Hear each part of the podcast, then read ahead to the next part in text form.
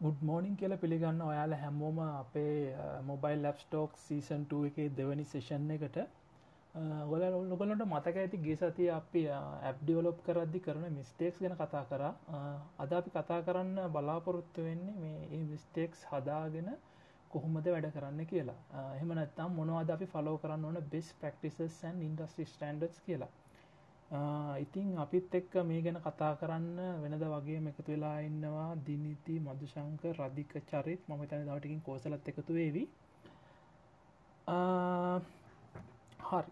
මේ ගැන කතා කරද්දි මේ ඇප්ස් ඩිවලප් කරද්දි අපි මුලින්ම සලකන්න වුණ වැදගත් දෙයක් තමයි යසර්ස් ලගේ ඩේට අපි කොහොමද මැනේජ් කරන්න කියලා. ඉතින් මම ඒකට පොඩි ඉන්ට්‍රෝ එකක් කෝලුන්ට දීලා අපි අනික්කටට මූවෙමු මේක ඇවිල සෑහෙන්න බ්‍රෝඩ් ටොපික්යක් මේ ඩේට ප්‍රයිවසි ඩේට ගැන යුසක ඩේට කොහොම අපි ඇප් යස් කරන්න කියලා. ඉතින් අපිට මේකන කතා මේකන මුළු දවසම වුණත් කතා කරන්න දේවල් තියෙනවා. අත්‍යවශ්‍යම දේවල් ගැන විත්තරක් පොඩි සමර එකක් මම දෙන්නම්. සමයට ඔයාගේ ඇප් එක ජස්ට් ගේම් එකක් හරි හෙමනැත්තා ඉන්ෆර්මේෂන් ඩිස්පලේ කරන ඇප් එකක් වගේ නම් මේක ලොකුවට අදාළ වෙන එකක් නෑ ඒත් ඔයාගේ ඇප් එක මොනෝහරි ඩිවයිස් එකට ඩේට ඩිවයිස එක තින ඩේට ඇක්සස් කරන්න ඕන්න නම්හරි යුස ලොගින්කක් වගේ තියෙනවනම් හරි මේක සෑහෙන්න වැදගත්වෙනවා මොකද මේක ගැන හරියටම සැලකලිමත් තුනේ නැත්තන් සමයට ඔයාගේ ඇ් එක ඇප්ස්ටෝවලින් රිජෙක්ටෙන් වනත් පුළුවන්. අපේ ඇප් එකෙන් කලෙක් කරන්න යසගේ යසක පර්සනල් ඉන්ෆර්මේෂන් ගැන්න අපේ ඇප් එක හද හදපු අපි ෆුලි රෙස්පොන්සිබල් වෙනවා. එකන්නේ අපි මොනොහරි යසකින් ගන්නවනම් ඉන්ෆර්මේෂන් ඒක අපි කොහොමද යස් කරන්න මොනවගේ දේවල්ලට පාවිචි කරන අපි කොහොමද ස්ටෝ කරන්නේ ඒවා ගැන අප ඇප් එක හදපය විදිර අපි මේ ඒ ගැන මාරවිදිර ෆුල් රෙස්පොසිබල් වෙන්න ඕන. ඉතින් අපි යස් යසගේ ඩේට යස් කරනවනම් අපි යසට මේ පැහැදිලිව කියන්න ඕන අපි මේ ඩේට යස් කරන්න මේ මේ පර්පස් ඒකට කියලා. අපි ගී සතත් කතා කර යුස පර්මිෂන් කන්නකොට ලොකේෂන් පර්මිෂන් කටක් පර්මිෂන් ගන්නකොට කෝමද මේ ඒක යුසට ඉන්ෆෝර්ම් කරන්න කියලා. හැබැයි ඒක විත්තරක් කරලා මදි. අපි සාමාන්‍යයෙන් ඇප් එකක් කරනවා අපි ප්‍රයෝසි පොලිසි එකක් ඩිෆයින් කරන්න ඕන.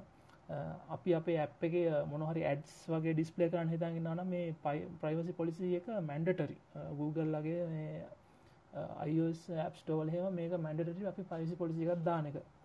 හැබැයි අපි ප්‍රයිවසි පොලිසි එකක් දානවා කියලා මේ කියටවත් කොහෙන්වත් මේ ප්‍රයිවසි පොලිසි එක කොපි පේස් කරලා නම් හරියන්න හැබැයි අපිට අයිඩිය එකක් ගන්න මේ පොඩ්ඩක් බැලුවට නම් කමක් නෑ ඒත් කියටවත් ඒක මේ වෙන කෙනෙක කොපි අරගෙන පිටින් කොපි පේස් කලා අපේ විදිර දාන්න එපා.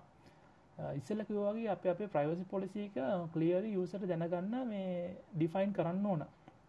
අපි මොනවද අපි යසකෙන් කලෙක් කරගන්න ඩේටා ඒ ඩේට කලෙක් කරගන්න පපස් එක හෙමනත්තා යුසේජ්ජක මොකක්ද උදාහරණයක් විදියට කිවොත් අපි යුසගේ ඊමේල්ල කිල්ලනවා මේ අපේ ඇ් එක රෙජිස්ට වෙන්න. අපි ඊමේල්ල කිල්ලන්නේ මේ එතකට අපි යුසට කියන්න අපි යුසගේ ඊමේල්ල කිල්ලගන්න යුසව යුනිකලි අයිඩෙන්ටිෆයි කරගන්න ප්‍රයිමට කියක් විදිට හරි. එවනත යුසව හරියට මෙයාමයි කියලා වැලිඩේට් කරගන්න වගේ. ඒ රීසන් එක අපි ප්‍රයිවසි පොලිසිය එක දාන්න ඕන. ඒවගේ අපි යස කටක් ලිස්ට ක්සස් කරනවනම් අපි යුසට කියන්න ඕන අපි යුසගේ කටක් ලිස්ට එක ඉල්ලන්නේ. මොකද කටක් ලිස්ට එක වෙන කවර අප අප යස් කරනනම් ඒ යස් කන කෙන යුසර ලේසියෙන් සජස් කරන්න දන් බලන්න අපි දම අපේ ලබව සැප් එක වුණත් කවර අප කටක් ලිස්ට එක ඉන්න කෙනෙක් අලුතෙන් කවන්ට ජොයිනට අප නොටිකේෂනයක් කෙන මේ ඔයා යාලුවක් මේ මෙහිමින්නා මේ ජොයිනු නගලේවගේමත අප අලුතෙම මේ ලබ් හවස එක කවන්ටක් හද අපිට ලිස්ටක් දෙන්න පෙන්නවා මේ කටක් ලිස්ට ගන්න මේ කට්ටිය මේ අප් එක දැනට යස් කරනවා කියලා. ඊළඟට වැදගත්තෙන් ඕන දෙයක් තමයි අපි යසක ඩේට තර්ඩ් පාටි මොනොහරි ඇප්සෙක් හරි තර්ඩ් පාටි කම්පැනිසෙක් හරි අපි මොනොහරි ෂයා කරගන්නවන අපි ඒ මොනවද තර්ඩ් පාටි සනම් මනන් කියලා පැහැදිලිව දාන්න ඕන. ඒවාගේ අපි මෙන්ෂන් කරනවා ඒවට අන්තිමට මුකුත් යස කරන්න නැත්තම් ගැන ඒ අපි ඩේට යසකින් ගන්න ඩේටවලට අපි ඒ කියන විදිට ෂයා කරන්නෙත් නැත්තං අපේ ඩිවයිස් එක ස්ටෝ කරගන්නෙත් නැත්තම් අපි යුසට ඒකත් කලියලි මේෂන් කරන ඔයාගේ මේ ඩේට මේ මේ අපි අපි ඩිෆයින් කරපු පර්පස් ඇරෙන්න්න වෙන කිසිම දේකට යස් කරගන්නෙත් නෑ කියලා ඒවාගේම ඔය යුස ක්‍රියේට් කරන කන ඔයාගේ ඇප් එකේ යසර්ස්ල කටෙන් ක්‍රියට් කරනවා නම් කටන් ක්‍රේට් කන පුළුවන් යුසට අපි කලියලි මේෂන් කරන යුස ක්‍රියට් කරන කටෙන් වලට අපේ හදපය විදියට අපි රෙස්පොන්සිබල් නෑ. හැබැයි එහෙම මේෂන් කරේ නැත්තම් අපිට සිද්ධ වෙනවා යුසය කටෙන් වලට අපිට රෙස්පොන්සිබල් වෙන්න. එම ඊට පස්සේ යුස ක්‍රියට් කරන කන්ටෙන්් අපි මොඩරේට් කරන්න නැතුව අපේ මොඩරේෂන්යකින් නැතුව නිකං ඔය මේ අපේ ඇප් එක ඩිස්පලේ වෙන්න දානවන අපි අනිවාර්යෙන්ම ඒ කන්ටෙන් වෙන කෙනෙක්ට ඕන්නම් රිපෝට් කරන්න. හරි පස්සේකට කම්පලෙන්් කරන්න විදිට මෙකනිසම්ය අපි හදල තියන්න ඕන. ඉල්ළඟට ගොඩක් කලාවට මේ අපි දැම ප්‍රයිවසි පොලිසි එකක් දාදී අපි කරන්න මේ අපගේ ෆස් ලාංචකේම යුසට අපේ ප්‍රයිවසි පොලිසි එක පෙන්නලා ඒකට යුසගෙන් ඇග්‍රි කරගෙන තමයි ඉස්සරහට යන්න හදන්න ඕන. එකට ඩිස්සක් නම් අපි සාමාන්‍යෙන් අප ඇතුළට යන්න දෙන්න එක අත්‍යවශ්‍යම නෑ. නමුත් එක බෙස් ප්‍රක්ටිස් එක ඊට පස්ස යුසේකට ඇග්‍රීවිලා ඇග්‍රි වුණටත් පස්සේ අපි ඇප් එක කොහරි තැනක යුසර ලේසින් හොයාගන්න පුළුවන් තැනක අප ප්‍රයිවසි පොලිසික දාලා තියන්න මොද යුසර පස්සේ තුන මේක මොනවද කියල්තින කළ බලන්න. ඒ ආයුසර ලේසින් හොයාගෙන එක කියවන්න පුළුවන් වෙන්න ඕන.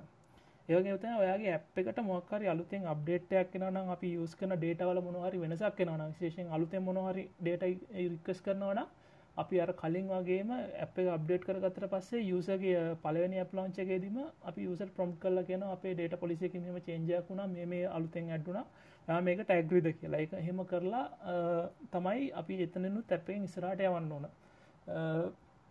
ඒ වගේම ඒ කලින් ඩිෆයින් කරපු අප ප්‍රයිසි පොලිසියක සෙට්න ඩිෆයින් කල නැත්තං ඒ අනිවාර්යෙන්ම අප්ඩේට් කරන්නත් ඕන. ඉති මේ ගැන ප්‍රයිවසි පොලිසි මේ ගැන කතා කරනවනම් අපිට කතා කරන්න පුළුවන් අද දවස මුණත් මේ මංගතන මේ ගැන්න කතා කර ඇති කියලා. ඉලට අපි මේ අපි යුසක ඩේට ගත්තනේ. ඊට පස්ස අපි මේ යුසක ඩේට අපි පිරිියඩිකලි බැකප් කරගන්න විදිිය කදාගන්න මොකද හිතන් අපේ තියෙන ස්ටෝරේජ් එක මොකරි ඩැමේජයක් වුණ අපට යුසගෙන් ආයේ ඩේටටික ඉල්ලන්න බෑ. අපිට අර මිනිමම් ඩේට ලොස්සයකින් ආය ඒටික රේස්ටෝ කරගන්න පුළුවන් විදිර පිරිියඩිකලි බැකප් කරගන්න විදියක් පොඩ්ඩක් හදල තිබ්බනම් හොඳයි. ඊළඟට මොබයිල් ඇප් එක පැත්තර කතා කරොත් අපි යුසන යුස කෙනෙක්ව සයිනින්නයක් වගේ දෙන්නවනම් අපේ ඇප් එකේ.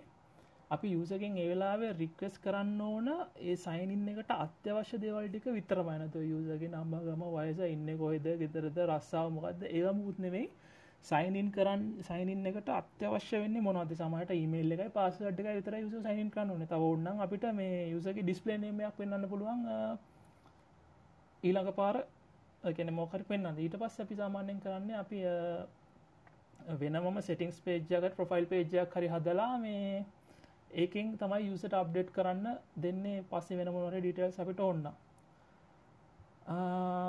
ඊට පස්සේ අපි දැන් යුසගේ ඩේට අපි යුස කන්ෆර්ම් කරන ල්ඩෙට් කරන ප්‍රොෆයිල්ලක් හැදුවට පස්සේ ද යුස මේ ඩේට සම්බන්ධ මොනට ක්‍රටිකල් ඔපරේෂන් ඩේට චේන්ජයක් කරනවා නම් අපි ඊට කලින් යුත යුස ඔතෙන්ටිකේට් කරගෙනවන මේ මේ රික්කස්ට එක මේ ඩේට චේන්ජ් රික්කස් කරන්න ඒ යුසම තමයි.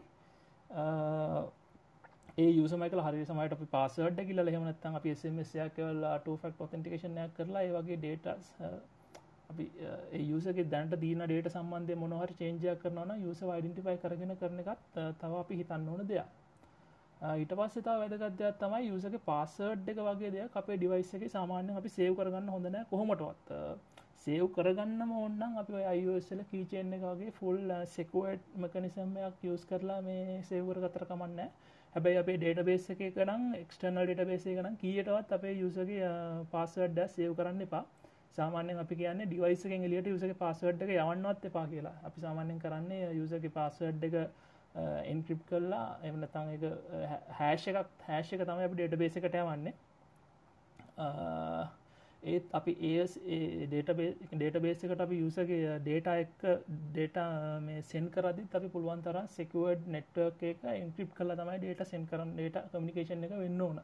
ඒවිදි හදනනම් ඒකත් ඩේට සම්බන්ධ වැදගත්දයක් එලාට තවත් සෙරගලිමත්වෙන්න ඕන දෙයක් තමයි යුස යාගේ ඩිවයිස් එක රෝඩ් කල් හරි ජෙල් බ්‍රේක් කරලා හරි තියෙනවන ඒකින් මොකක්ද අපේ ඇප් එකට සහ අපේට වෙන්න පුළුවන් හානිය සහ යුසට කරන්න පුළුවන් දේවල්. ද උදාහරණයකෙදට අපි ගේම් එකක් ගේම් එකක් නම් හදලා තියෙන්නේ. අපි යුස ගන්න හයිස් හයිස්කෝය අපේ සර්වයකට සෙන් කරගෙන අපි ලීඩ බෝඩ් එක පෙන්න්න නමයාතම දැට වැඩම හයිස්කෝරන් තියෙන මේගේම කියලා. හැබැයි යුස ජෙල් බ්‍රේක් කරලා යුසට පුළුවන්න මේ හයිස්කෝ ඕල්ට කරලා අපේ සර්වයකට සෙන් කරන්න වෙන ලොකු හයිස්කෝ එකක් එක්ක බොරුවට ඒවගේ දේවල් ප්‍රිවෙන්ට් කරන්න කොහොමද කියලා ඉතින් මේ ඒ වගේ දේවල් ගැනත් පොඩ්ඩක් හිතල බලන්න ඕන ඩේට ප්‍රයිවසි බලද්දි. ඉට පස්සේ අන්තිමට මම කියන්නම් ඔයාගේ කෝඩ් එක ඔය මේන් රිපොසිටරියකට කමිට් කරද්දි බලන්න මේ අනිවාර්යෙන් මේක තව කෙනෙක් ලව කෝඩරිය කරන්න. මොක සමට ඔයාගේ සෙන්සිටව ඩේට එකන සමට අප ඩේට බේසල ඩීටේල් සනම්මන ඒවගේ මොනෝහරි මේ ඒවට කමිට් එන්න පුළුවන්ද කියලා. ඉතින් මම හිතන්න දැනට ඇති ඔය ඩේට ට්‍රන්ස්පේරන්සියන් සිකරටි ගැන කිව්වා. ඊළඟට අපිත් එක්ක චරිත් අය එකතු වෙලා ඉන්නවා. මේ චරිත්තයෙන් අපි පොඩ්ඩක් අහලා බලමුද? මේ අපි UI ඩිසයින් කරද්දි මොනවද බෙස් ප්‍රක්ටිසස් වෙන්නේ? අපි කොම්පොනන් එක්ස්ටෑක් කරගන්දි තියෙන ටූල්ස් වලින් කොහොමද කරගන්න? ඒ වගේම මේ මොනවද යස් කරන්න පුළුවන් ඔය ෆික්ම වගේ ටූල්ස් කියලා? හලෝ තැංකූ නේ නදුන් මේ මේමයි දැන් මේ මේ කියන කතන් දෙට කියන්න ඩිවලප හැන්ඩ් අවට් එකක් කියලා සාමාන්‍යයෙන්. අපි ෆිග්මා නැත්නම් XD එතකොට වැඩ කරනවා ස්කෙච් වලින්. මේ කොයි ටූල් එකකින් කරත් අපි ඩෙවලොපර්ට හරියට සීම්ලස්ලි අපේ ඩිසයින් එක හෑන්ඩ් අවුට් කරනවා. ඉතින් මෙතනදී අපි සැලකිලිමත් වෙන්න ඕන කරුණු කිහිපයක් ගැන මට කතා කරන්න පුළුවන්. පළවෙනි දේ තමයි නේමින් කියලා දැන් අපි ගොඩක් කරාට අන්ටයිටල් ටෙක්ස්ට් අනම්මන ගෲප් ඒ වගේ ගොඩක් අර නේමින් පැත්ත හරියට බලන්න නැතුව අපි ඩෙවලොපර්ට දෙනවා. ඒකට ගොඩක් කරාට හරියට අමාරු ඩෙවලොපර්ට දැනගන්න කොයිදද මේ දේ ඒ කියන්නේ නේමින් පැත්ත තමයි මම කියන්නේ පළවෙනිම දේ. එතකොට අපිට හරියටම ආටිකලෙට් කල පෙන්න්න පුළුවන් මේක තියෙන හෙඩ සෙක්ෂන් මේ තියන්නේ මේක තියෙන ඉමේජ් සෙක්ෂන් මේ වගේ අපිට සෙක්ෂන් වයිස් නම් දෙන්න පුළුවන්. අපිට යිඩෙන්ටිෆිකේෂන් පර්පස් එක විතර ඊට පස්සේ ඩෙවලොපර් දැන් කෝසල මම ඊළඟ ලෙසන් එකේදී කියයි කොහොමද ඩෙවලොපර්ස්ලාගේ පැත්තෙන් ඒ ටෙක්නිකල් නේමින් ටික කරගන්න කියලා. නමුත් ඩිසයිනර් ගේ පැත්තෙන් අපිට ෆීල් වෙන දේ. අපිට කියන්න පුළුවන් හෙඩර් සෙක්ෂන් මම කියන්නේ වෙබ්සයිට් මොබයිල් ඇප්ලිකේෂන් එක වගේ අපිට පුළුවන් හෙඩර් සෙක්ෂන් එක ස්ටේටස් බාර් එක අපි කියන මුලින්ම පටන් ගන්නකොට ඒ විදිහට අපිට හරියට රීනේමින් කරගෙන ටැබ්බාර් එක මේ හැම එකටම වෙනකම් හරියටම රීනේමින් කරන දේ කරන්න ඕන. ඒක එතකොට ගොඩක් ලේසි වෙනවා ඩෙවලොපර්ට එයාගේ එයාට ඇප්ලිකේෂන් එක ඩෙවලොප්මන්ට් කරද්දී ඕන නේමින් ටික හරියට රීනේම් කරගන්න. එයාට අයිඩියා එකක් එනවනේ මෙතන තියෙන මේ එලිමන්ට් එක කියලා. ඒක ඉම්පෝටන්ට් පොයින්ට් එකක්. ඉතින් මම මේක මේ ටෙක්නිකල් පැත්ත බැලුවොත් එහෙම දැන් ඉස්සර Figma එක මේ ගොඩක් ෆ්‍රී. ෆ්‍රී කියන්නේ ඒක මේ එඩිටර්ස්ලා අත් සයින් කරන්න පුළුවන් අපේ ඩ්‍රාෆ්ට් ප්‍රොජෙක්ට්ස් වලට.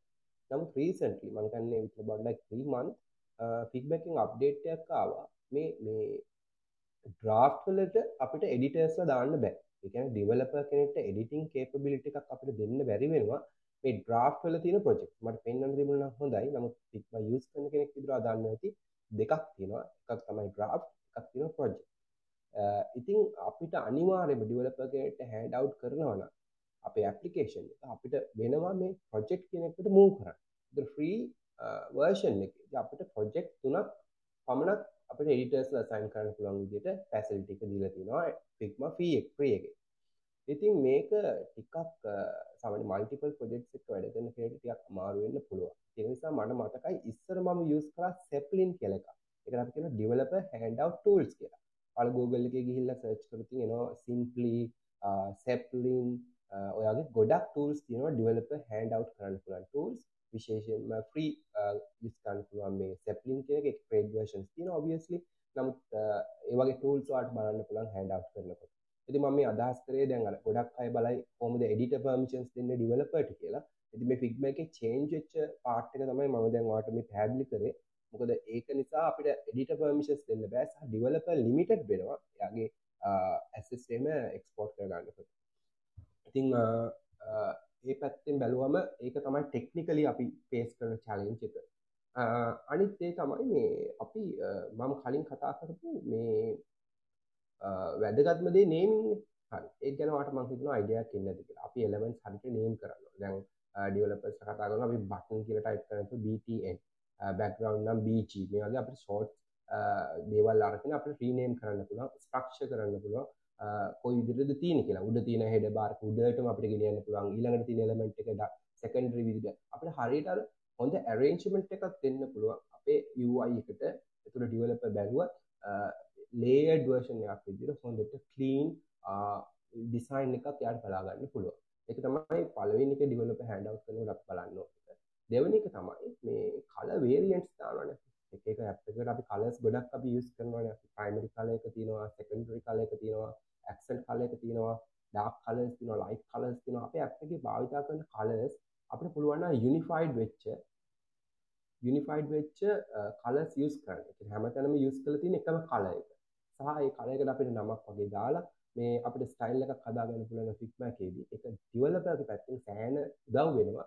මොකද ඒතර යාට හැම කල එලිමන්ට් එකක් දිහාම බල බල යන්න දෙයක් නැහැ. ඔබ්වියස්ලි දන්නවා ප්‍රයිමරි කලර් එක තමයි මෙතන යූස් කරලා තියෙන්නේ සෙකන්ඩරි කලර් එක තමයි මෙතන යූස් කරලා තියෙන්නේ ඇක්සන්ට් කලර් එක තමයි මෙතන යූස් කරලා තියෙන්නේ. ඒක නිසා මේ ඩෙවලොපර් කෙනෙක්ට මේ අපි හැන්ඩ් අවුට් කරනකොට මේ කලර්ස් ටික අපි හරියට ඩිෆයින් කරලා ඒ කලර්ස්ම අපිට හරියට යූස් කරලා තියෙන එක ඉතාමත් වැදගත් වෙනවා. ඒ වගේම තමයි අපිට කලර් එකක ෂේඩ් එකක් යූස් කරන්න ඕන අපේ කලයකම ෂේඩ් එක පික්මකද ක්‍රියේට් කරගන්න පුළුවන්. ඒ කලයක ෂේඩ් එකටත් අපි 15% of the primary color 80% of the primary color. ඒ විදිහට අපේ colors define කරගන්න පුළුවන් පික්මක එකේදී. ඔයාලා පික්මක ගැන පොඩ්ඩක් හොයලා බලලා ඉතින් ඒ ගැන ඔයාලට දැනුමක් ගන්න පුළුවන්. එතකොට ඩෙවලොපර්ට මාර ලේසි යාගේ ඩෙවලොප්මන්ට් ප්‍රොසෙස් එක කරගෙන යන්න කොහොමද මේක මේ මේ කලයක කොතනින්ද ආවේ? මේ කලයක මේ ෆෝම් වෙන්නේ කොතනින්ද කියන එක ඉතින් ඒක තමයි ඊළඟ එක. අනිත් වැදගත් දේ තමයි අපි ඩිවලොපර්ට හැන්ඩ් අවුට් කරනකොට ගොඩක් වෙලාවට ඔය අපි සමහර ඩ්‍රොප් ෂැඩෝස් එතකොට සමහර විෂුවල් එෆෙක්ට්ස් අපි මේ රාස්ටරයිස් කරනවා. ඒ වැඩේ කරන්න එපා. මොකද ගොඩක් වෙලාවට මේ ඩිවලපර්ස්ලට ඕක මේ කෝඩිං වලින් දාන්න පුළුවන්. දැන් ඔයා පිග් එකේ සිලෙක්ට් කරොත් උඹ ඩ්‍රොප් ඩවුන් එකක් ඩ්‍රොප් ෂැඩෝ එකක් දාපු එලිමන්ට් එකක්. ඔයා ඉන්ස්පෙක්ට් කියන තර්ඩ් ටැබ් එකට ගියොත් එහෙම රයිට් හෑන්ඩ් සයිඩ් එකේ තියෙන බාර් එකේ ඔයාට පේනවා මේ ඩ්‍රොප් ෂැඩෝ එක කොහොමද කෝඩි පැත්තෙන් අසයින් වෙන්නේ කියලා කෝඩ් එකක් ඔල්රෙඩි තියෙනවා. ඒ කියන්නේ අපි ඒක මේ එක්ස්පෝර්ට් කරනකොට මේක මේ රාස්ටරයිස් කරලා මේ ඩ්‍රොප් ෂැඩෝ එක ඉමේජ් එකක් වගේ දිය යුතු නැහැ. ඒක හොඳ බ්‍රෙස්ට් ප්‍රැක්ටිස් එකක් නෙමෙයි. මොකද එහෙම වුණොත් එහෙම සමහර වෙලාවට ප්‍රශ්න ඇති වෙන්න පුළුවන්. ඒක නිසා ගොඩක් වෙලාවට එලිමන්ට්ස් ඒ විදිහටම තියන්න. එලිමන්ට්ස් හරියට රීනේම් කරලා තිබ්බම ඒගොල්ලෝ එකකින් ගිහලා බලා ගන්න පුළුවන්. ඒ වගේම තමයි මේ ඔය ටික තමයි වැදගත්ම දේවල් ටික මම කතා කරේ. ඉතින් අනිත් දේ තමයි මම කිව්වා ඩිසයින් සිස්ටම්ස් ඩිසයින් සිස්ටම්ස් කියලා කියන්නේ ඩෙවලොපර් ඇත්තටම ඇප් එකක් කෝඩ් කරනකොට ඒගොල්ලන්ට ගොඩක්ම ලේසි දේවල්. මම අර කලින් කිව්ව ෆොන්ට් සයිසස් නේ. අපි දැන් වෙබ්සයිට් එකක් වගේම ඩිසයින් කරනවා නම් H1, H2, H3 එහෙම තියෙනවනේ. දැන් ඔයා බැලුවොත් එහෙම නිකන් Google එකේ හරි Figma එකේ community එකේ හරි search කරලා බලන්න UI kits කියලා. UI kits කියලා. හරිද? UI kits කියලා සර්ච් කරාට පස්සේ ඔයාලට දැනගන්න පුළුවන් iOS UI kit එකක තියෙනවා typography එක හදලා already. ඒකේ මේ title එක කොහොමද දෙන්න ඕන? දැන් මම ඔන්න මේ මට visually පෙන්වන්න බැරි නිසා මම මෙතන type කරනවා මම UI kits. හරිද? UI kits iOS UI kits කියලා. UI kits කියලා. හරිද? ඊට පස්සේ මට එනවා මල්ටිපල් ඩිෆරන්ට් මේ දේවල් එනවා ලේටස්ට් ඒවා එනවා එතකොට කස්ටමයිස් කරපු ඒවා එනවා ඒක. ඊට අපි ඒකට ගියාට පස්සේ ඒකේ තියෙනවා මේ ටයිපෝග්‍රැෆි එක කොහොමද වර්ක් අවුට් වෙලා තියෙන්නේ. ඒ ටයිපෝග්‍රැෆි එකේ ෆොන්ට්ස් වල තියෙන ස්පේසින් එක කොහොමද? ෆොන්ට් සයිසස් කොහොමද? ලර්නින් මේ මේ කර්නින් කොහොමද? එතකොට ලයින් ස්පේසින් කොහොමද? මේ හැම දෙයක්ම ප්‍රී ස්පෙસિෆයි කරපු ලිස්ට් එකක් තියෙනවා. අතන්ට ගියාට පස්සේ ඩිවලපර්ට හැම එලමෙන්ට් එකම ස්පෙසිෆික් කර කර යන්න දෙයක් නැහැ. එයා ඔල්රෙඩි ටෙක්ස්ට් එක සෙලෙක්ට් කරාම එයාට රයිට් හෑන්ඩ් සයිඩ් එකේ බාර් එකෙන් දැනගන්න පුළුවන් මේ ටෙක්ස්ට් එකට අසයින් කරලා තියෙන මොන ස්ටයිල් එකද කියලා. රයිට්? ඒක නිසා හොඳම දේ තමයි මේ කොම්පොනන්ට්ස් හරියට ඩිසයින් කරන එක. ඒතර අපි කියනවා අර මම කලින් කිව්ව බේස් කලර්ස්, ඇන්ෂල් කලර්ස්, ෂේඩ් ඔෆ් ග්‍රේස් ඒව වෙරියන්ට් ඩිසයින් කරනවා. ඒ වගේම තමයි අපේ අයිකන් සෙට් එකත් අයිකන් සෙට් එකත් වෙනම ඩිසයින් කරනවා. ඔයාලා මේ කිට් එකක් ගත්තොත් ඉතින් ඔයාලට පැහැදිලිව තේරෙයි. ඊට පස්සේ මෙන්න මේ විදිහට අපිට ඩෙවලොපර්ට හෑන්ඩ් අවුට් කරන්න පුළුවන් නම් පට්ට වටිනවා. දැන් iOS එක ගත්තොත් එහෙම iOS එකේ තියෙනවා headline කියලා ෆොන්ට් එකක්. හරිද? There's a body 1, body 2, subhead 1, subhead 2, subhead 3, subhead 4, footnote, caption 1, caption 2, caption 3, help text, title 2, title 1, title uh, large title කියලා මේ තියෙනවා. මේ සාමාන්‍ය iOS කරන අය දන්නවා set pro text කියන එකෙන් තමයි අපි text elements ඔක්කොම දාන්නේ. Eh, San Francisco pro display කියන එකෙන් තමයි අපි display text දාන්නේ. Right? ඒ කියන්නේ අපි headlines කියලා කියනවා ඒ වගේ දේවල්. ඉතින් ඒක නිසා මෙන්න මේ විදියට අපිට arrange කරලා දෙන්න පුළුවන් නම් developer developer මාර ලේසි සෑහෙන කාලයක් ඉතුරු වෙනවා. සහ යාට easily මේක කරන්න පුළුවන්. ඒක නිසා මේ styles guideline එක හරියට work out කරලා දෙන්න පුළුවන් නම් සෑන වැදගත්වෙනවා විශේෂයෙන්ම ලොකු ප්‍රොජෙක්් එක ලොකු කම්පලෙක් එකක් කියලකමු කම්පලෙක්ස් අප් එකට වගේ සෑන වැදගත් වෙනවා. එතකොට මේ අයෝස්ල තින බාස් කියල තින ඒවා ඒවා හොමද ඩිසයින් වෙලා තියන්නේ? ඒවා ස්ටයිල් වෙලා තියන්නේ කොහොමද කිය කියන්න පුළ ඒ නැවිගේෂන් බාස් කන අපි කතා කරන සර්ච් බාස් කන කතා කරනවා. එතකොට කොහොමද ඇක්ටව ස්ටේටස් කොහොමද තියෙන සර්ච් බාර්කද එත ටයිප් කරනකොට කොහොම දෙක මේ මේ වෙන්නේ? පාස්වඩ් එක වැරදුනාම කොම දේර ටෙක්ස්ට ගෙන්නේ මෙනගේ හැමදේම ඩිසයිනකට අපට දෙන්න පුළුවන්න ඩිසයින් කරලා දිවලපට ඩියවලපගේ ජීවිතය මාර ලේසි වෙන යට හරිම ලේසි තුළ ඩිසයින් කරගන්න සෑන ලොකු කාලයක් ඉතුරු කරන්න පුළුවන් වෙන ඉතින් ඔය ටික තමයි මට ඕවියක් ඉදිර කියන්න තියෙන්නේ. විශේෂෙන්ම අපි ඩිවලප කෙනෙක්ට අපේ ඩිසයින් එක ස්මූත්ලි හැන්ඩ අව් කරනකොට. ඉතින් වා බැලූතින්ගේම මේ වගේ කීවඩ්ඩක් ගාලා හවුතු how to hand out my uh, Figma designs to developer කියලා ගොඩක් රිසෝසස් වාගන්න පුළන් ඉන්ටනෙට් එක. දිමං වාට සජෙස් කරනවා වාගේම රිසර්ච් පොඩක් කරල බලන්න. මේ සම්බන්ධය වා තවත් අලුත් කරුණු ගොඩක් දැනගන්න පුළුවන් වී කියලා. තැංකූ හරි. තැංක චරිත. ඇතර මොයක කියද මටනික මැවිල පිරන ය හොඳ ඩිසයින්යක් සහ මේ වැරදි ඩිසයින්න හොම අපි කොච්චර කට්ටක් කනවද මේ ඩියලොප් කරදදි කියලා. මේ බොහොම ස්තුතියි. ඒ ගැන කිව්වට මේ ඉලාට අපිත් එක කෝසලට මං චාන්සක දෙන්න කැමති මේ ඉස්සල්ලා කිව්පත් එක්ක උන කතා කරන්න කියලා. අපිට එම හම්බෙන් නෑ නේද නතු දේසියෙන් ඒම හම්බෙන්න මට ඇත්තරව මතක් නැබ මටනම් දැන් දැන්නම් හම්බෙනවා. ඉස්සරලා මට හෙම හමුන්න චරිතකෝ ඒක මට මැවිල පෙනුණ. මේ ඉස්සර අපි කොච්චර කටක් කනවාද ගෙනකට ගලගන්න මේ ගම්පොනටල හරියට ෆෝල්ඩ එක ඇතුට දාන්න ඉමේජස් එතන අර බට්න එක ටෙක්ස එක තැනක තියෙන බට්නගේ බොඩිය එක තවදනක තියෙන අපියක හොයාගෙන ගරුප් කරලා අපි මේෝ කරගන්න. ඉටස රීනයම් කරගන්න.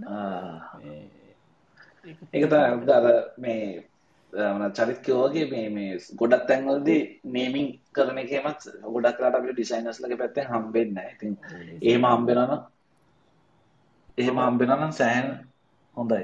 මම නම් බැනුම් හලව තමයි ඉගෙන ගත්තයකින් කරන්න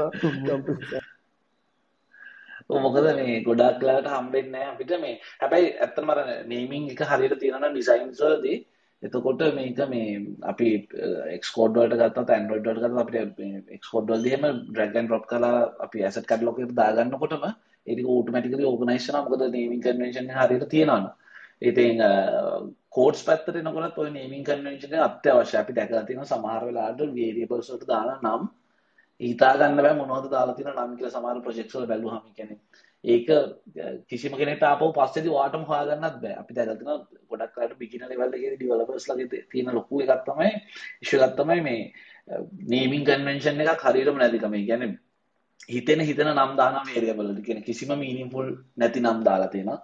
ඒතෙන් සමහරලාට මේ මොබයිල් වල දෙනකොට ඔක ටිකක් අඩුයි මොකද ඇට්ලිස් වෙබ් හරි ඩෙස්ක්ටොප් හරි කරලා ඉන්න නිසා නමුත් ඒ නේමින් කන්වෙන්ෂන් එක හරියට හදාගත්තේ නැති වුණාම ගෲප් එකක වැඩ කරද්දී ටීම් එකක වැඩ කරද්දී සෑහෙන අමාරුයි කියන ඔයාගේ වේරියබල්ස් අනිත් කෙනාට හිතා ගන්න බැරි නම් මොනවද කියලා. ඉතින් නේමින් කන්වෙන්ෂන්ස් පාවිච්චි කරන ඉතාම වැදගත්. ඒ කියන්නේ සෙන්ටෙන්සර් කේසස් ඊට පස්සේ සෙන්ටෙන්සර් කේසස් කියලා කියන්නේ අපි තුමු ක්ලාස් එකක් ක්‍රියේට් කරද්දී අපි ක්ලාස් නේම්ස් කැපිටල් වලින් පටන් ගන්න ඕන වගේ දේවල්. ඉතින් ඊට පස්සේ සෙන්ටෙන්ස් කේසස් වලදී හැම වචනයකම දෙව මේ වචනේ පටන් ගන්නකොට මුල් අකුර කැපිටල්. ඒ වගේ ඊට පස්සේ කැමල් නොටේෂන්ස් කැමල් කේස් කියලා කියන්නේ පළවෙනි අකුර සිම්පල් දෙවෙනි වචන මේ වචනේ ඉඳන් පළවෙනි අකුර ඉඳන් කැපිටල් ආපහු. එතකොට ඒක අපි තුන් මෙතඩ් එකකට වගේ යනකොට ඔයගොල්ලෝ දැක්කද දැන් මොනවාරි Java වල ගත්තොත් set visible තියෙන්නේ set කියන එකේ s simple විසිබල් කියන එකේ V කැපිටල් තනි වචනයක්. හැබැයි ඔයාලට වාක්‍ය දෙක වචන දෙක වෙන් කර ගන්න පුළුවන් නේමින් කන්වෙන්ෂන්ස් වලදී. ඊට පස්සේ camel sorry snake cases වගේ. ඒ කියන්නේ ඔක්කොම simple වචන වෙන් කරද්දී underscore එකකින් වෙන් කිරීම.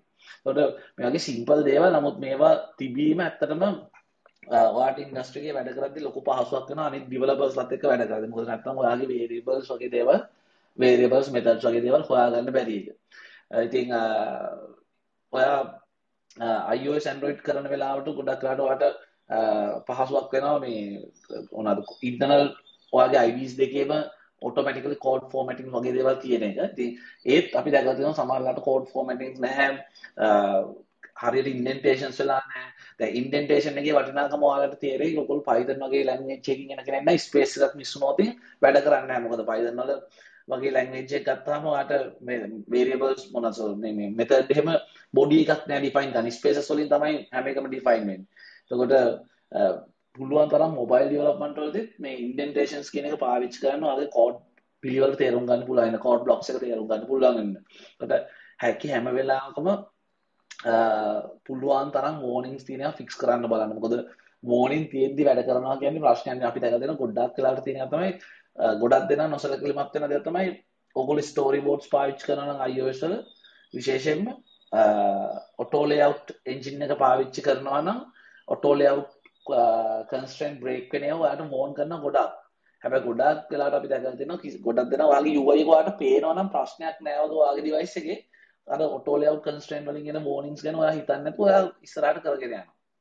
ඉතින් මේ රන් ටයිම් එකේ compilations warning වලට වඩා මේ දේවල් ගැන පොඩ්ඩක් බලන්න ඕනේ. මොකද ගොඩාක් වෙලාවට ඔයාගේ ස්ටෝරි බෝඩ්ස් වල warnings තියෙනවා නම් ඒක අනිවාර්යයෙන්ම ෆික්ස් කරගෙන ඉස්සරහට යන්න ඕනේ. මොකද ඔයාට ඔයාගේ device එකේදී ඒක හොඳට පෙරුණාට එතන කන්ස්ට්‍රේන් වල warning එකක් එනවා කියලා කියන්නේ අනිවාර්යයෙන්ම ඊළඟ වෙන ස්ක්‍රීන් එකේ ඔයා රෙන්ඩර් කරලා බලද්දී ඕක පේන විදිහ සම්පූර්ණයෙන් වෙනස් වෙනවා කියන එක.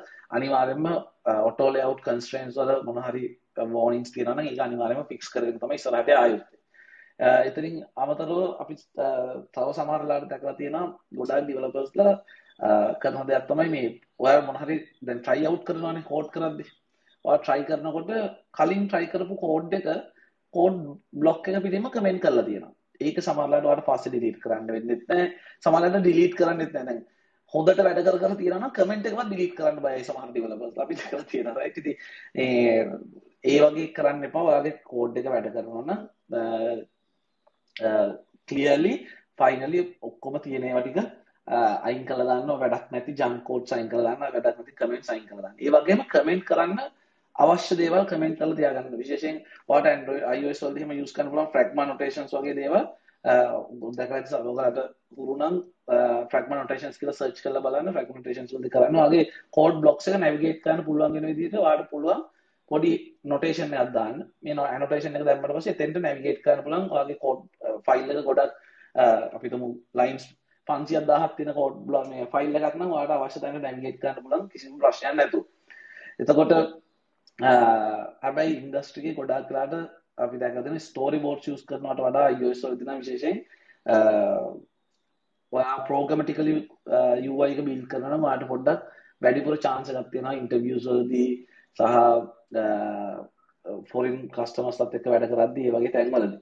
ඉතින් ඒකත් චුට්ටක් හිතලා බලන්න. ඊට අමතරව මොනාද ගොඩක් කලාට අපි දැකබල තියෙන තවදයක් තමයි ගොඩක් ඩිවලපර්ස්ල යස් හිවමන් ඉන්ටවේස් ගයිඩ්ලයින් එක සහ ඇප්ස්ටෝ ගයිඩ්ලයින්ස් එක කිය කියවන්නේ නැහැ වැඩේ පටන්ගන්න කලින් බලන්න නැහැ. ඉගෙන කස්ටමගේ රික්වාමන්ට එක කාට පස්සේ කස්ටමට ඇත්තම තේරුමන්නෑන මොකක්ද මේ අප්ස්ටෝ එක හරි Google ප්ලේ එක හරි තියෙන ගයිඩ්ලයින්ස් කියල මේ නදුනුත් අර මුලති මත කරගේ ප්‍රයිවසි ගැන කතා කරා වගේම මේ ගයිඩ්ලයින්ස් කියන එකත් ඇත්තටම වැදගත්. මොකද මම සරල උදාහරණයක් කියන්නම්. දැන් එකවතාවක මම දැක්ක කම්පැනි එකක් දාලා තියෙනවා මේ ස්පෝර්ට්ස් ඇලර්ට්ස් එවන්න. ඒගොල්ලන්ගේ ඒ මොබයිල් ඇප් එකේ තියෙන ස්පෝර්ට්ස් වලට ඇලර්ට්ස් එවන්න. හැබැයි මේ ඇලර්ට්ස් එවන එකේදී ඒගොල්ලෝ ප්‍රීමියම් වර්ෂන් එකක් විදිහට නොටිෆිකේෂන්ස් තමයි විකුණන්නේ. ඒගොල්ලන්ගේ ඇප් එකේ මේ ප්‍රීමියම් සබ්ස්ක්‍රිප්ෂන් එක ගත්තාම යාලා පුෂ් නොටිෆිකේෂන්ස් එවනවා. හැබැයි ඔයාලට පුෂ් නොටිෆිකේෂන්ස් වගේ සර්විස් එකක් මේ විකුණන්න බෑ. ඔයාගේ අප ඇතුල නොටික පුෂ් නොටිකේෂන් විකුණන්න බෑ. වාට කස්ටමට පුෂ් නොටිකේෂන් ගන්නන අප්ග්‍රේඩ් කරන්න කියන්න බෑ. ඇති මේක ගොල්ල එක ගැන අවබෝධයකතු අප එක සම්පූර්ණ ඩියලප් කල ඇප්සෝ දැමට පස්සේ මේ අප කීපතාක් රිජෙක්ටුන ඉතින් එතන හට යාල බිස්නස් මොඩල් එකම තිබ ඒක මත රඳාවත්ල ඉතින් සම්පූර්ණය අපල පේල්ලති ඒ වගේ දේවල් වෙන්නේ ඔයා මුලදිම මේක කියවන්න නැතිකම නිසා. ඉද පුළුවන්තරම් බලන්න කස්ටමගේ රික්කාමටක් කාට පස්සේ ඒක කොහොමද?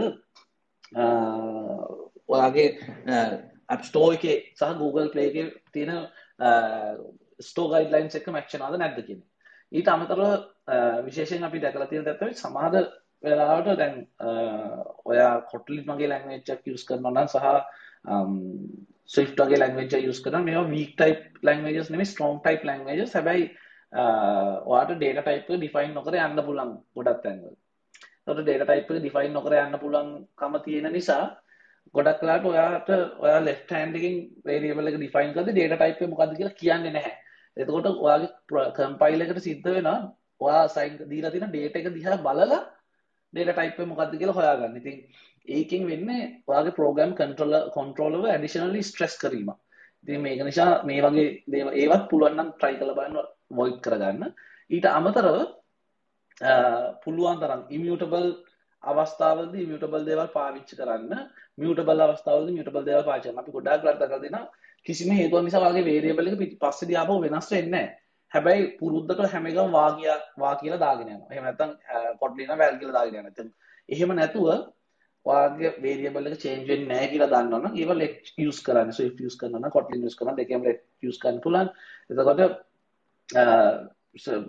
කොටලි නොන වැල් යස් කන් පුලන් තැන්වලද විතරක් අවශ්‍යනම් විතරක් මියටබල් කරන්න පස්සෙ මියටබල් වෙනවනම් ඩේට ටයිප වෙනස් නම් විතර ඩේට සෙට්ක වෙනස් වන වැලික වෙනස් නම් විතර මේ ඒක පාවිච්චි මොද හෙම නැත්තාට ගොඩක් රටකල්දින එහෙම කිසිීම දෙයක් නෑ කෙරෙන්ම අතන දාලා තියෙන ඉතින් එහෙම කරන්න එපා. වාට ඩේට ටයිප් එක පස්සේ ඩේට ඩේට එක වෙනස් වෙනවා නම් පස්සේ වැලියු එක වෙනස් වෙනවා නම් විතරක් ඒක යූස් කරන්න. ඊට අමතරව ඔයාගේ ඇප්ලිකේෂන් එකේ ඉන්ටර්නල් සෙටින්ග්ස් ටිකක් තියාගන්න ඔයාගේ පාත් තියෙන තැන් ඊට පස්සේ URLs තියෙන තැන් ඒක වෙනම ඩිෆයින් කරගන්න. එතකොට ඔයාට අවශ්‍යතාවයක් වුණොත් අපි තුමු දැන් ගොඩක් කලාට ඔයාගේ ඇප්ලිකේෂන් එක අලුත් ෆීචර්ස් සමහරට ටෙස්ට් කරද්දී ඔයාට බෑක් එන්ඩ් එකේ සර්වර් එක මාරු වෙනවා. එතකොට ඔයාට බ්‍රාන්ච් එකක් හදාගෙන මේ සර්වර් එක මාරු ගන්න ගියාම ඔයාගේ බේස් පාත් එක දැන් මාරු වෙනවනේ API සෙට් එක. එතකොට මේක අපි දැකලා තියෙනවා ගොඩාක් වෙලාවට සමහර ඇප්ලිකේෂන්ස් වල තියෙනවා. ඔයාට හැමදැනම මේ URL එක වෙනස් කරන්න එහෙම නැතුව මේ URL එක එක තැනක තියාගන්න. ඔයාගේ settings ෆයිල් එකක් තියාගන්න. Android වල කරත් iOS වල කරත් separate ෆයිල් එකක් තියාගන්න struct එකක් හරි කමන්නේ at least මේ අදාළ පාත්ස් වලට API වලට ඒකට separate පාත් එකක් තියාගන්න. ඉතින් කෝඩින් පැත්තේ ඒ දේවල් වගේම විශේෂයෙන් කියන්න දැත්තම වා ඩියවලප් කරගෙන ඇපලිකේෂන චුට්ටක් ඉස්සරහට එනකොට ඉන්ඩස්ට්‍රිකි පිළියරගති තියෙන ආකිටෙක්චස් තින MVC වෙන්න පුලා MVVM වෙන්න පුලා ඉවෙන්ඩිවන් වෙන්න පුලා ඔයාගේ ඇපලිකේෂන් එක ඩේට ෆලෝයක මැනජෙන් කොහොමද කියෙන ඒගෙන අපි දීර්ගව කතා කරමු ඊළඟ සෙෂන් එකකින්. නමුත් පුළුවන්තරම් උත්සාහ කරන්න ඔයාගේ ඇපලිකේෂන් එක තියෙන ඩේට ෆලෝ එක ටිකක් හොඳට තියාගන්න. ඉට අමතර වෙන ලොකුෂයක් තමයි වගේ කෝඩ්ස් මිසින් වෙන දේවල්. ඉතින් සමහරලාට ෆයිල් නෑගෙන සමහර වෙලා අපි දැකලා තියෙනවා ඩෙවලොපර්ස් ලා මේ මැෂින් එක හැප්න ෆයිල්ස් ටික නෑ ප්‍රොජෙක්ට් එක නෑ ප්‍රොජෙක්ට් එක ලොස් වුණා කියලා. ඉතින් එහෙම නොවෙන්න ඔයාගේ සෝස් කෝඩ්ස් ටික මැනේජ් කරගන්නේ කොහොමද කියන එක මම හිතන්නේ රාධික කතා කරයි. රාධික. ඔව් ඇහෙනව නේද? ඇහෙනවා. හරි. ඉතිං තැක කොසලය එතකොට දැන් මේකේ කිව විදිහට කෝඩ් ලොස්සෙන් නැතිවෙන්න සහ ඔයාලා කරන කෝඩ් එක කොහොමද හරියටම පිළිවෙලට තියාගන්නේ? එකන්නේ ඔයාලා මොනහරි ටෙස්ටින් එකක් කරනවා අලුත් ෆීච එකක් ඇඩ් කරල බලනවා. මොනහරි එහෙම දෙයක් කරද්දී අර අපි වැඩ කරන්න මේන් එකට කරදරයක් නොවෙන්න ඒක ටෙස් කල්ල බලලා ඒක හරිනම් විතරක් කොහොමද අපේකට දාගන්න? ඔන්න ඔයවගේ දේවල්ලට අපි සාමාන්‍යෙන් පාවිච්චි කරනවා වර්ෂන් කොන්ට්‍රෝලිං සිිස්ටම් එකක් කියලා එකක්. ඉතිං වර්ෂන් කොන්ට්‍රෝලින් සිිස්ටම්ස් ගොඩක් තියෙනවා. ඉතිං ගොඩක් පොපියල එකක් හැටියට අපි ගිට් කියන එක ගැන කතා කරනවා. ඉතිං මං ඒක ගැන පොඩි හැඳින්වීමක් කරන්න. ඉතිං වර්ෂන් කොන්ට්‍රෝලින් කියලා කියනදේ වාලට දැන් ගොඩක් අලුතෙන් ඩියවලපස්ල හිතන මේ ඇතරම කරන්න ඕන දෙයක් නෙමයි. අපිට අපේ කම්පියුටර මේ කොඩ් එක තියාගන්න පුළුවන් කිසි ගැටලුවන්න එහමනත්තන් සමහර හිතනවා ඒක මන් තනියෙන් වැඩ කරන්න එක හිද අවුලක් නෑ කියලා. ඉති ඇත්තටම ෆොටෝහ මඩිට කරන්න අයවනත් දන්න යාලා හදනවා ලෝගෝවන් ලෝගොට ලෝගොත්‍රී හොම ඉල්ලා ඉලකට ෆයිනල් ලෝග කියලා හදන ඉලාට ෆයිනල් ලෝගෝවන් ෆයිනල් ලෝගොට ෆයිනල් ෆයිනල් ඔන්න විදිරතම යන්න. ඉගන්න එගොල්ලෝ දන්න නැතුවම වර්ෂන් කොන්ට්‍රෝලිං එකක් තමයි ඒ කරගෙන තියෙන්නේ. යාලගාව එකක වර්ෂන් තියෙනවා. ඉතිං ඩිවලප් කරන අයත් සමහර වෙලාවට බය හිතුනොත් මේක නැතිවේ කියලා යාල කරනවා. යාලගේ ෆෝල්ඩර එක ප්‍රජෙක් ෆෝල්ඩර පිටින් කොපි කරලා වෙන නමකින් දාගන්නවා. දාගෙන ටෙස්ටින් එක එක කරලා ඒක හරිනම් අනිත් එක අපහු ලියනවා. ඉතිං ඔයෝගේ දේවල් කරනවා. ඊළඟට ප්‍රශ්නයන්නේ මල්ටිපල් පීපස් ලයි කියන්නේ කෙනෙට වඩා. ඉන්ඩස්ට්‍රික ඇත්තනම ගොඩක් කලාට වැඩ කරන්න වෙන්න තනියෙන්මන මේ තව කවරු හරි සිටීම් එකක් එක් ඉති එතකොට මේ ටීම් එකත් එක්ක මේ කෝඩ් එක අපිට හෝමාරු කරගන්න වෙනවා. ඉති එතකොට අපි සිප් කරලා හරි නැත්තං පෙන් රයහකින් හරි Google රයි හරි ඔන්න ඔය වගේ අපි හෝමාරු කරගන්න පුරුදු වෙලා ඉන්න ඉතින් පලතෙන්ගෙන ඩිවලබස්ල ගොඩක් කලාවට වැඩේ කරනවා. ඉතින් එතනදි වෙන ප්‍රශ්නය තමයි ඔයාලට මේ කෝඩ්ඩල කොඩ් අපි කියන මර්ජ් කරනවා කියල. කියන ඔය දෙන්නගේම කෝඩ් එක එකතු කරලා මේක හදාගන්න ඉතින් ඕක ඇත්තටම ලොකු කරදරකාරී වැඩ ඔන්න ඔයවාගේ හේතු නිසා ඕකට හරි ලේසි පහසු සොලූෂන් එකක් විදිහට තමයි අපි මේ වර්ෂන් කොන්ට්‍රෝලින් කියන එක පාවිච්චි කරන්න. බේසිකලි මේක තව ගොඩාක් වැදගත්කන් තියෙනවා. හැබයි සාමාන්‍යෙන් මූලික වැදගත්කම කෙඩට ඕක ගැන කියන්න පුළුවන්. ඉතින් එතකොට ඔයාලට පුළුවන් ඔයාලා තනියෙන් අඩ කරත්. ඔයාලක කම්පියුටරේ විතරක් වැඩ කරත් මේ ගිට් කියන එකත් එක්ක වැඩ කරන්න. ඉතින් මෙතනදි වෙන්නේ රිපසිටර එකක් කියල එකක් හැදෙනවා ගිට රිපසිටර එකක්. ඉතින් මේ රිපසිට ඔයාල කරන චේන්ජස් පුළුවන් මාරි පොඩ්ඩ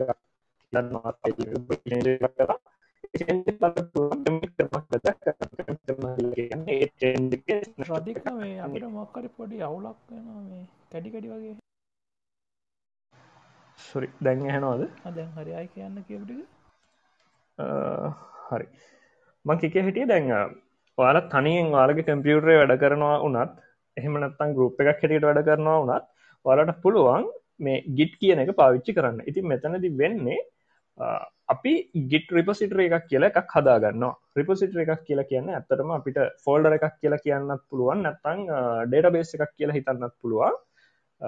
අපේ ප්‍රජෙක්් එකට අදාළ ෆයිල් සහ ඒවාගේ හිස්ට්‍රිය එක. කොහොමද මේවා චේන්ජුනේ සහ චේන්ජ එක මොකක්ද කියන ඒ හිස්ට්‍රිය තියාගන්න ස්ටෝ එකකට තමයි අපි රිපසිට එකක් කියලා කියන්න. ඉතින් ඔයාලා තනියෙන් ඔයාලගේ මැසින් එක ලෝකලි වැඩ කරත් ඔයාලට පුළුවන් මේ ගිට් කියන එක යස් කරන්න. මෙතනදි වාලට පුළුවන් වෙනවා ඔයාලා අලුතෙන් මොනහරි කෝඩ් එකක් චේන්ජ එකක් කරොත් ඒක කමිට් කරන්න. කමිට් කරනවා කියලා කියන්නේ මම මෙන්න මෙහෙම චේන්ජ එකක් කර. නැත්තම් මෙන්න මේක තමයි මේකින් වෙන චේන්ජ එක කියලා මැසේජ් එකකුත් එක්ක කමිට් කරන්න පුළුවන්. ඉතින් මෙහෙම කමිට්ස් දිගට දිගට තියාගත්තම ඔයාලට ඕනම වෙලාවක මේ කැමති කමිට් එකට ආපහු ඇවිල්ලා ඒක චේන්ජස් බලන්න පුළුවන්. එකන්න හිතන්න යාලා මොනහරි වැරදීමකින් ෆීච එකක් මොහරි ඩිවලප් කරගෙන වාලට හිතන නෑ මේක ඕන් නෑ මට. මට ඕනේ අර මීට මාසකට කලින් තිබ මෙන්න මේක තමයි මට ඕනේ. ඉතින් වාලට ටක්ගල සිච්චන්න පුළුවන් ඒ කමිට් එකට.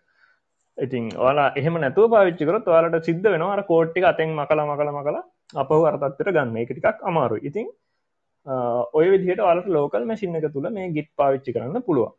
ඊළඟට ගිට් පුෂ් කියල එකක් තියෙනවා. ඉතින් මෙතනද අපි කරන්නේ ලෝකල් මැසින් එක තියාගෙන ඉඳලා බැරිවෙලා හරි අපේ කම්පියුටර එක කැඩෙන්න්න පුළුවන්. නත්තන් හාඩ්ඩ කියන්න පුළුවන්. ඔයගේ වැඩ වෙනවා. ඉතින් එහමනත්තන් නොදනතු අප තිම ලිටෙන්න්න පුළුව ඉතින් ඔයගේ දෙයක් වුණොත් එහෙම අපිට සිද්ධ වෙනවා. අපි දැන් ගිට් පාවිච්චි කරත් ප්‍රජෙක්් එක ෆෝල්ඩරේ පිටින් ඩිලිට් නොත් අපිට ඇත්තරම කරන්න දෙයක් නෑ බේසිකලි කරන්න දෙයක් නෑ ඉති එතකොට අපි මේ ගිට හබ් වගේ එකක් පාවිච්චි කරනවා. GitHub Bitbucket GitLab ඔන්න ඔය වගේ මේ ගිට රිපසිටරිස් ස්ටෝ කරලා තියාගන්න පුළුවන් කලව් සර්විසස් තියෙනවා ඔන්න ඔය නම්මලි ඉතින් අපිට පුළුවන් ඔය කලව් සර්විස් එක රජිස්ට වෙලා නැතන් එකකවන්් එකක් හදාගෙන අපි මේ කරපු අපේ ප්‍රොජෙක්් එක කලව් එකේ තියාගන්න.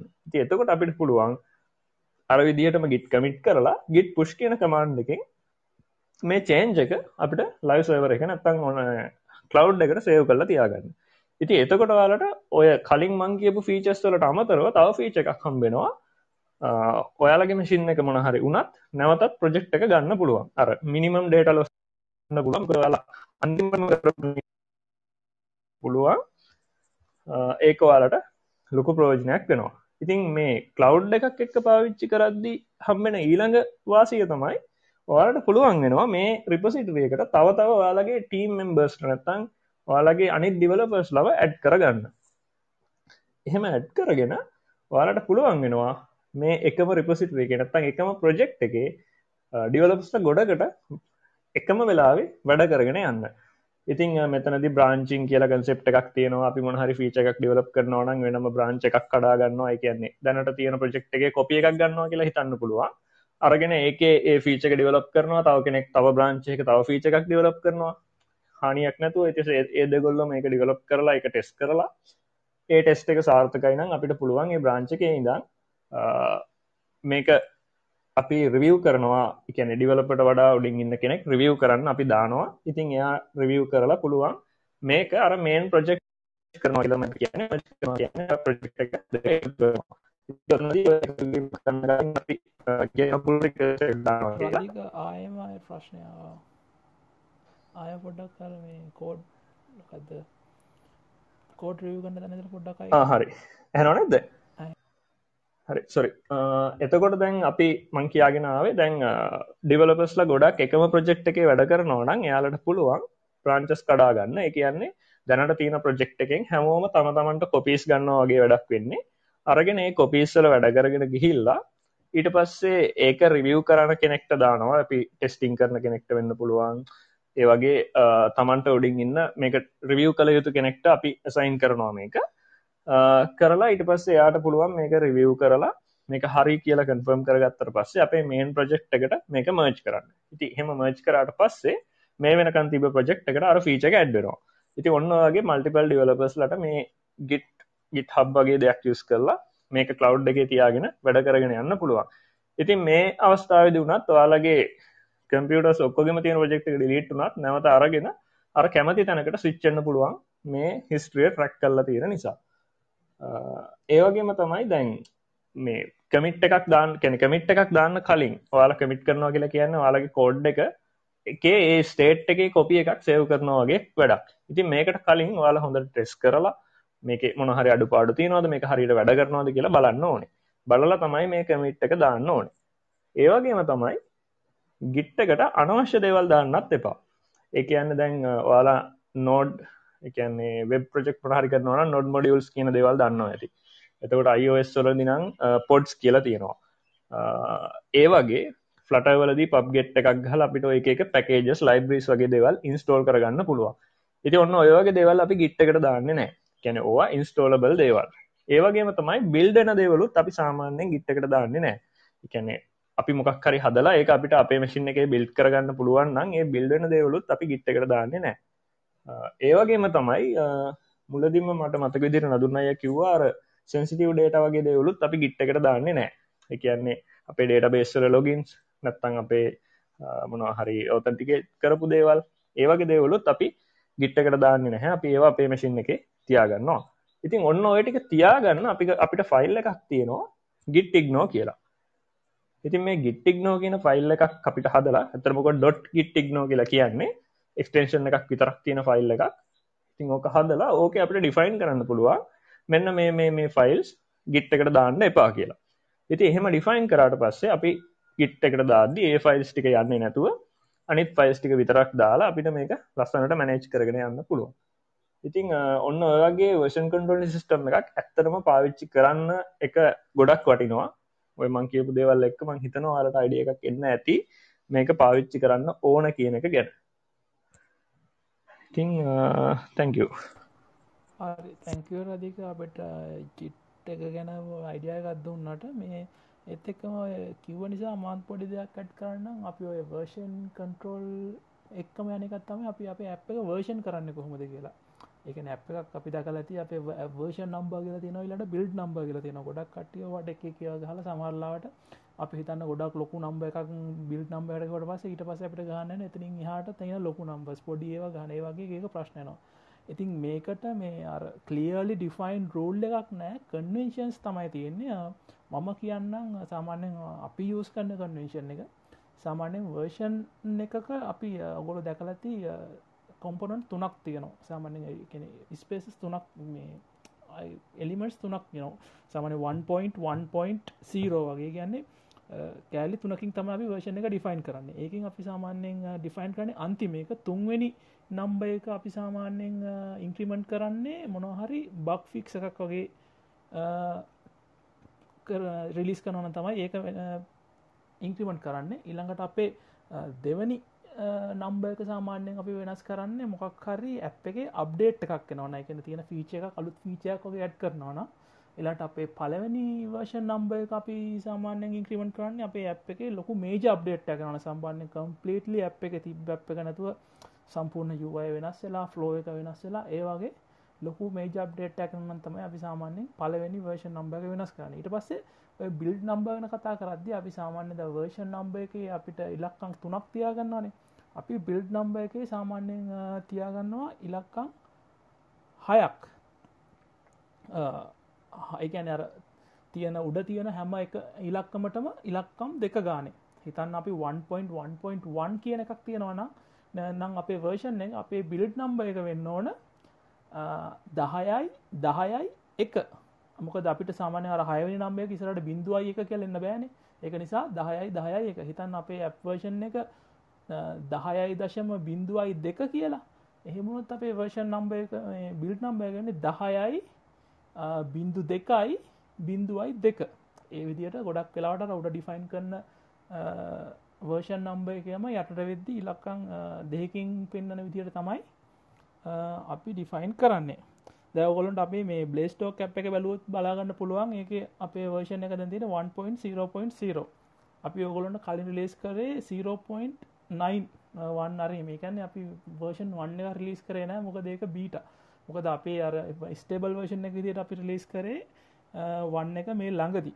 ඉති එතකොට දැන් අපේ බිල්ඩ් නම්බ එක වෙලා තියෙන්නේ දහයයි දහයයි බින්දුව ඕක දැන් අපි බක් ෆික් ය මොනවාරි කරනවා නම් ඔය ගැන දැන් අපි මේ ඇප් එක රිලිස් කරන්න කලින් අපි ටෙස් ෆ්ලයිට් අරි ඇප්ස්ටෝවාරි ටෙස් කරදි දාද්දී අපේ අතින් වෙනසක් වන්න පුළුවන් ගැන අපි දාන බිල්ඩ් එක බගයක් තිබිල අපිට මහුවන්න පුළුවන් මේ ලිස්සෙක් කරන කලින්. එතකොට අපි කරන්න අර අන්තිම බිල්ඩ් නම්බ එක අන්තිමිලක් අන්තක වෙනස් කර දාන ඔගොල්ලුන්ට ඒක පෙන්න්න ඔගොලුන්ට වර්ෂණ එක විදිරන්නේ 1.0.0 මහිතන්නේ මේ දැනට ඒ වගේ පොඩි අයිඩිය එකක් ගන්න ඇති කියලා. ඊළඟට මේ අපි ඔය අපි මේ කරදදි ස්ටන්ඩ් ඩොල තව වැදගත්දයක් තමයි ඩොකියමෙන්ටේෂන් අපි කරන දෙව සමට අපි කරන ඩිලිවරබල් එක අපි හරිට ඩොකියමෙන්ටේෂන් කරන අපි ෆ්‍රේම්වක් එකක හදදින අප ඒක හරියට ඩොකියමෙන්ට් කරන්නනවා ද අපි උනත් අපි වනත් හනිකට ගැන මොකර විචක තිරන ටක්ගල කියල ගොලගේ ඩොකිමෙන්ටේෂන එක බලන්න කියලා. දහිතන උදානකද අපි ඇඩ්මොප් අපේ ඇ් එකට ඇඩ් කරගන්නවනම් අපි ටක්ගාල කියන්නේ මේ අපි මේ පොට බලට ගල කියලා ඇඩ්මොබ්ලගේ ඩොකිමෙන්ටේෂන එක බලන්න කියලා. එති මේ ඩොකිමෙන්ටේෂන් වෙන්න කොමතික බලන්න මගේදන දිනිතට හොඳ අයිඩිය එකක් තියෙනවා. දිනිත අපිත්තක බොඩ ශයකරමුද ඔයාගේ එක්ස්පිරන්ස එක? හරි නදුන් තැංකෝ මා වැහෙනවා නේද? ඇනොද හරි. මං හිතන්නේ ඇත්තරම් ද මෙච්චර වෙලා කතා කරපු දේවල් වලින් මේ බෙස් ප්‍රක්ටිසස් කියන එකෙන් වැඩිපුරම මේ ඉග්නෝවන පාට් එක තමයි ප්‍රොජෙක්් ඩොකියමෙන්ටේෂන් කියන එක ගැන අපි ඇත්තරම වැදගත්ම නැති දෙයක් විදියට තමයි ගොඩක් දෙනා මේ ඩිවලපර්ස්ලා ගොඩක් දෙනා මේක සලකන්නේ. මේක තියෙන වැදගත්කම තමයි ගැන ප්‍රොජෙක්් එකකට ඇත්තටම මේ අදාළ ඩොකියමෙන්ට්ස් තියෙනවා නං කියන අපිට හරියට රික්වයිමන්ට් ඩොකියමෙන්ට් එකක් ස්කෝප් එක කොහොමද තියෙන්නේ කියන ස්කෝප් ඩොකියමෙන්ට් එකක් වගේ ඩොකියමෙන්ට්ස් තියෙනවා නම් ඇත්තටම මේ අපිට පුළුවන් මේ ස්කෝප් ක්‍රීපින් කියලා කියන්නේ කියන්නේ ස්කෝප් එකෙන් එලියට අපි ඩිවලොප් කරගෙන යනවා නම් දෙයක්. එහෙම නැත්තම් අපේ අපේ එන්ඩ් යූසර්ගේ රික්වයර්මන්ට් එක හරියටම ෆුල්ෆිල් වෙනවද නැද්ද කියන එක වගේ බලාගන්න පුළුවන් ගොඩක් මේ ස්කෝප් ඩොකියමෙන්ටයක් වගේ. කැන් ප්‍රොජෙක්් එකකට අදාළ ඩොකියමෙන්ටේෂන් හරියට තියෙනවාන ඒ වගේම මේ ඩෙඩ්ලයින්ස් හරියට මීටෙන් ඔය වර්ක් බ්‍රෙක් ඩවන් ස්ට්‍රක්චස් ඒ වගේ ඩොකියමෙන්ට්ස් තියෙනවනං අපිට ඇත්තටම මේ ඩෙඩ්ලයින්ස් මීටෙන් නැති ඔය වගේ ප්‍රශ්න ගොඩක් ඒව මග ඇරගන්න පුළුවන්. අපි මේ ඩොකියමෙන්ට්ස් ගැන කතාකරෝතින් නිකං මේජ විදියට පුළුවන් අපිට මේ ඩොකියමෙන්ටේෂන්ස් කියනේවා ජාති දෙකක් කියලා හිතන්න. ප්‍රොඩක්් ඩොකියමෙන්ටේෂන්ස් තියෙනවා ප්‍රොසෙස් ඩොකියමෙන්ටේෂන්ස් තියෙනවා. ප්‍රොඩක්් ඩොකියමෙන්ටේෂන් කියල කියන්නේ ගැන එන් ගෝල් එක ගැන කියන අපේ ප්‍රොඩක්් එක ගැන තමයි මේක විස්තර කරන්න. මේකෙන් දිබේ ඩිවලපගේ පැත්තෙන් මං ඇතරම කතා කරෝති මේකෙද අපිට වැදගත්ම වෙන ඩොකියමෙන්ට්ස් තමයි මේ රික්වයිමෙන්ට් ඩොකියමෙන්ට් කියන එක. කියන්නේ මොකක්ද හරියටම අපි යුසට දෙන්න කියන රික්වාමෙන්ට් එක හරියටම මේ ඩිෆයින් කල තියෙන ඩොකිමෙන්ට් එක තමයි රික්වයිමට ඩොකිමෙන්ට් එක කියලගන්න ඉට පස්සේ ආය දිවලපර්ට්ගේ පැත්තෙන් බැලුවතින් ඔය මේ චරිත් කතා කරපු අපේ ඩිසයින් එක සම්බන්ධයෙන් තියෙන ඩොකිමෙන්ටේෂන් තියෙනවානේ කියන්නේ. ඩිවලපර්ට ඩිසයින හැන්ඩෝ කරන ඩිලිවරබල්ස් තියෙනවානේ ඩොකිමන්ස් ඩිසයින් එක. ඒකත් අපිට මේ ඩිවලපගේ පැත්තටම ඩිවලපගේ පැත්තට ගොඩක් වැදගත්වන ඩොකිමෙන්ටයක් අපි මේ ගැන දැන් පොඩ්ඩකට කලින් ඇතරම කතා කරන්නේ චරිත් එක්ක.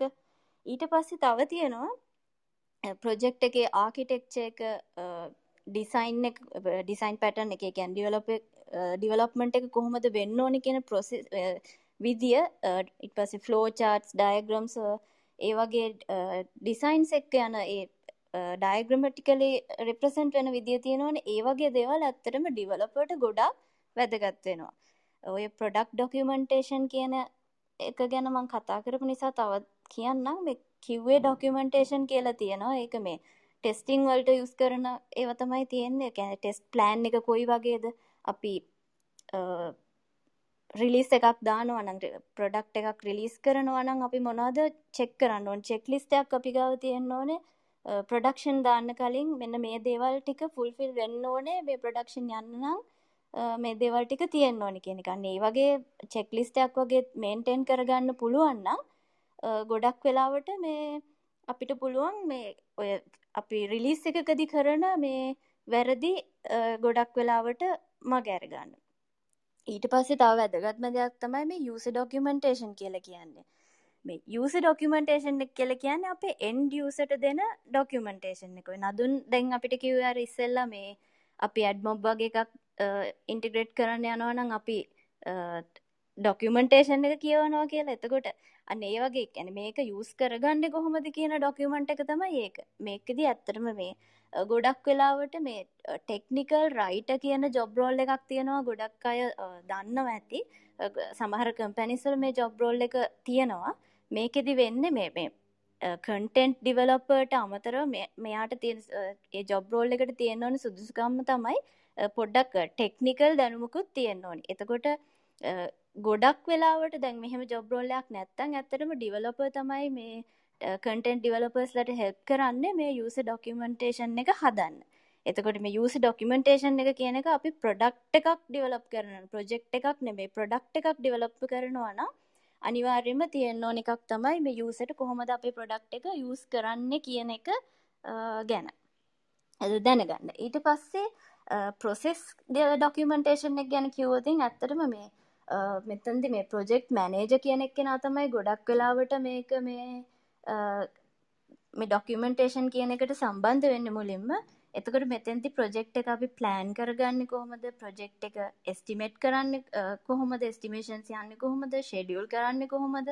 මේ වගේ ගොඩක් දේවල් මෙතැන්දි කතා වෙනවා. එතකොට මේ මයිල් ස්ටෝන්ස් කොහොමද මේ බ්‍රෙක් කරගන්න? මේ වගේ දේවල් මේ ප්‍රොජෙක්් මැනේජ ප්ලෑන් කරනවා. එතකොට අපි තනියම දෙයක් ඩිවලප් කරනවා නම් අපි තනියම වැඩ කරනවා නම් අපිට මේ වගේ දේවල් තනියම කරගන්න ගැන අපිටම කරගන්න පුළුවන්න ඇත්තටම මේ අන්තිමට වෙලාවෙදි අපිට මේ ප්‍රොජෙක්් එක ඩිලිව කරන්න තියෙන වෙලාවෙදී අන්තිම වෙලාවෙදි තියෙන මේ හසල්ස් ගොඩක් මේ මග අරගන්න පුළුවන්. ඔය ටික තමයි මට මේ ඩිවලොපර්ගි පැත්තෙන් මේකට ඇඩ් කරන්න තියෙන මංහිතන මේ කවුද? මදුශංකටයි කෝසලටයි ඇති මේ ප්‍රොජෙක්් මැනේජගේ පැත්තෙන් මේක කොහොමද වෙන්න කියලා මේ අයිඩිය එකක් චුට්ටක් ඇඩ් කරන්න පුළුවන්ද මදුශංක හරි කෝසල හරි මේකට? ඕ දිනති ප්‍රජෙක් මනේජක පැත්තෙන් ඇත්තන ඩොගමන්ටේෂන්ස් පාට් එක ගැන සම්පූර්ණයෙන් වෙනස් කතාවක්. එතැන්දී ප්‍රජෙක් මනජට සාමාන්‍ය අපිත් කියනවා මේ මයිල් ස්ටෝන් අච්චිව් කරද්දී ගොඩක් කලාට සිද්ධ වෙනවා මේ මේ මනාද ඒ මයිල් ස්ටෝන්ස් වලදී මොනවාද ප්‍රොජෙක්ට් එකේ ප්‍රෝග්‍රස් එක කොච්චරද කොහොමද කියන එක කියන්න.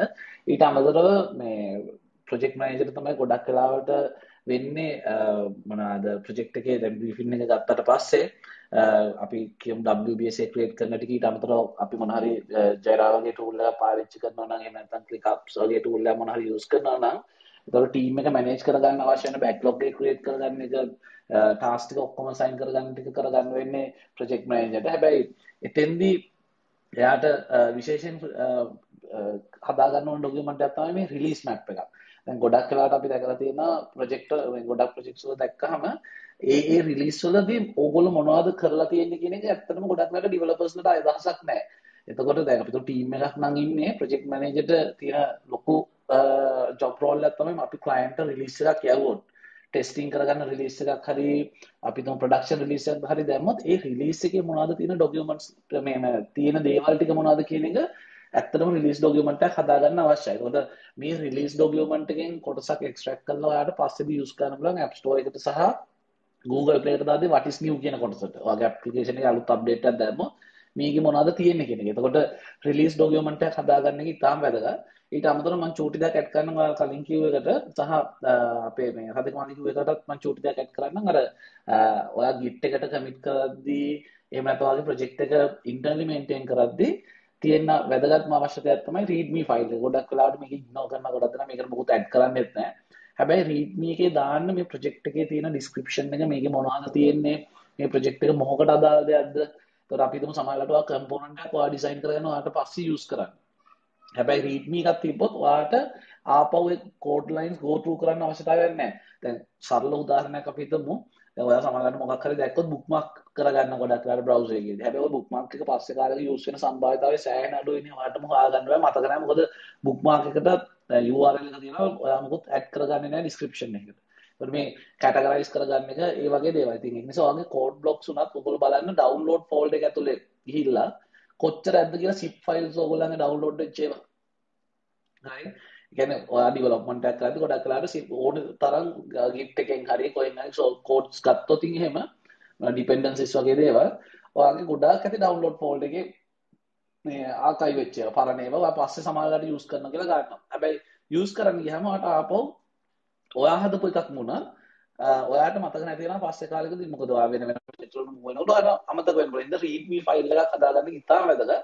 මොකද ඔයා නිවැරදිව රීඩ්මී එකක් ඇඩ් කරගත්තේ නැත්නම් ගොඩක් දෙනා ඉග්නෝ කරන මේ රීඩ්මී ෆයිල් එක. ඒකට මොකද ඇඩ් කරන්නෙත් නැහැ.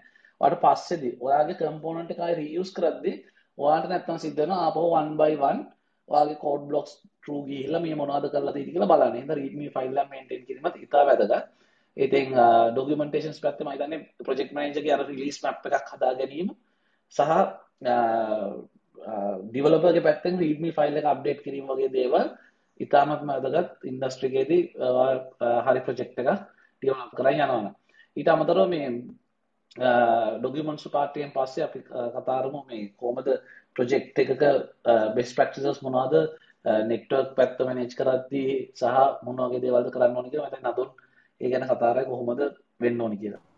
ඔව් කෝසල මේ අපි ඒක ගැන කතා කරන්න කලින් මේ කට්ටියට මතක් කළෙමු. ඒක තමයි ගොඩක් වලට දැන් පැයකට කිට්ටුන කාලයක් අපි කතා කරා. මේ අද දවසේ කතා කරන අන්තිම ටොපික් එක මේ කටියට ප්‍රශ්න මොනහරි තියෙනවනම් හරි ඒගොල්ලුන්ට මොනහරි අදහසක් දෙන්න තියෙනවනම් අපි දැන් හෑන්ඩ් ඔප්ෂන් එක එනේබල් කරන්නම්.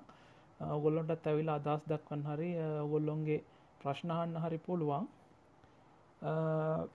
රීඩමි ෆයිල් එක ගැන ඇති මට තව වැදගත් දෙයක් ඇඩ් කරන්න ඕන.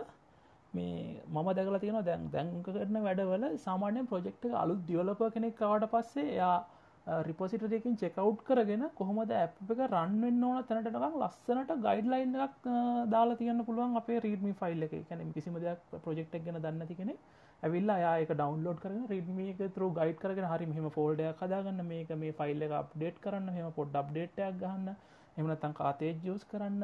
ඒ වගේ එයාට ඇප් එක රන් කරගන්න පුළුවන් තැන වෙනකං ඔක්කොම ගොඩි ගයිඩලයින්නක් දෙන්න පුලා රීඩමිය එක. හෙමුණොත් එක මාර වැදගත්.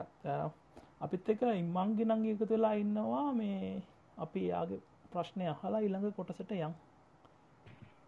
අය මේ මට දැනගන්න ඕනේ මේ දැන් අපි ගමු. දැන් මං මේ ප්ලේ ස්ටෝර් ඇප් එක ගමුකෝ. ප්ලේ ස්ටෝර් ඇප් එකේ මේ වෙබ් ඇප් එකේ තියෙනවනේ මේ ඉෂුස් වගේක් ඒ මේ දැන් ඇප් එකේ නැහැනේ ඒ ඒක දැන් ඒක වෙබ් ඇප් එකේ ඉෂුස් ටික හදලා ඒක දානකොට ඒක වර්ෂනින් කරන්නේ කොහොමද කියලා දැනගන්න ඕනේ. අනිත් එක තමයි මේ මට දැනගන්න ඕනේ GitHub එකට රිපෝටරිස් දානකොට මේ ඒක තව කෙනෙක්ට ක්ලෝන් කරන්න බැයිද? ඒක අවාසියක් නෙමේද? හරි ඔයාගේ පලේ ප්‍රශ්නය වර්ෂන් කරනට මම අර ඉස්සෙල්ලා කිව්ව වගේ කිව්වා මේ වර්ෂන් කරද්දි අපි අර නම්බර්ස් තුනක් තියාගන්නවා කියලා. සාමාන්‍යයෙන් අපි පලනි නම්බ එක යස් කරන්න මේ ජප්ටේට් එක දෙවනි නම්බ එක යස් කරන්නේ අපේ ෆීච අප්ඩේට් එකට සහ තුන්ගෙන එක තමයි බක් ෆික්සස් එතකොට ඔය ඇහුවගේ දැන් වෙබ් එක තියෙන අපි ඉශස් ෆික්ස් කරලා අපි දාද්දි දැනට 1.0 තියෙන්නේ අපි බක් ෆික්ස් කලා දාන 1.01 1.02 1.03 මක්කරි වර්ෂන් එකක් වෙනස් වෙන්න පුළුවන්. දැන් අපි හිතන්නකෝ දැන් අප ඇන්ඩරෝයිඩ් ඩැප් එකෙත් මොකරි බග්ගයක් අහුන හැබයි එක අයෝස් ඇප් එක නෑ. තොට iOS ඇප් එකේ 1.0.0 තියෙනවා. ඇන්ඩරෝයිඩ් ඇප් එකේ 1.0.123 හැබැයි හිතන්න අපි මොකහරි ෆීච කලතෙන් දුන්නගේ ස්රට යුස ලොගින් ඇදන්න හිතන් ඉන්නවා.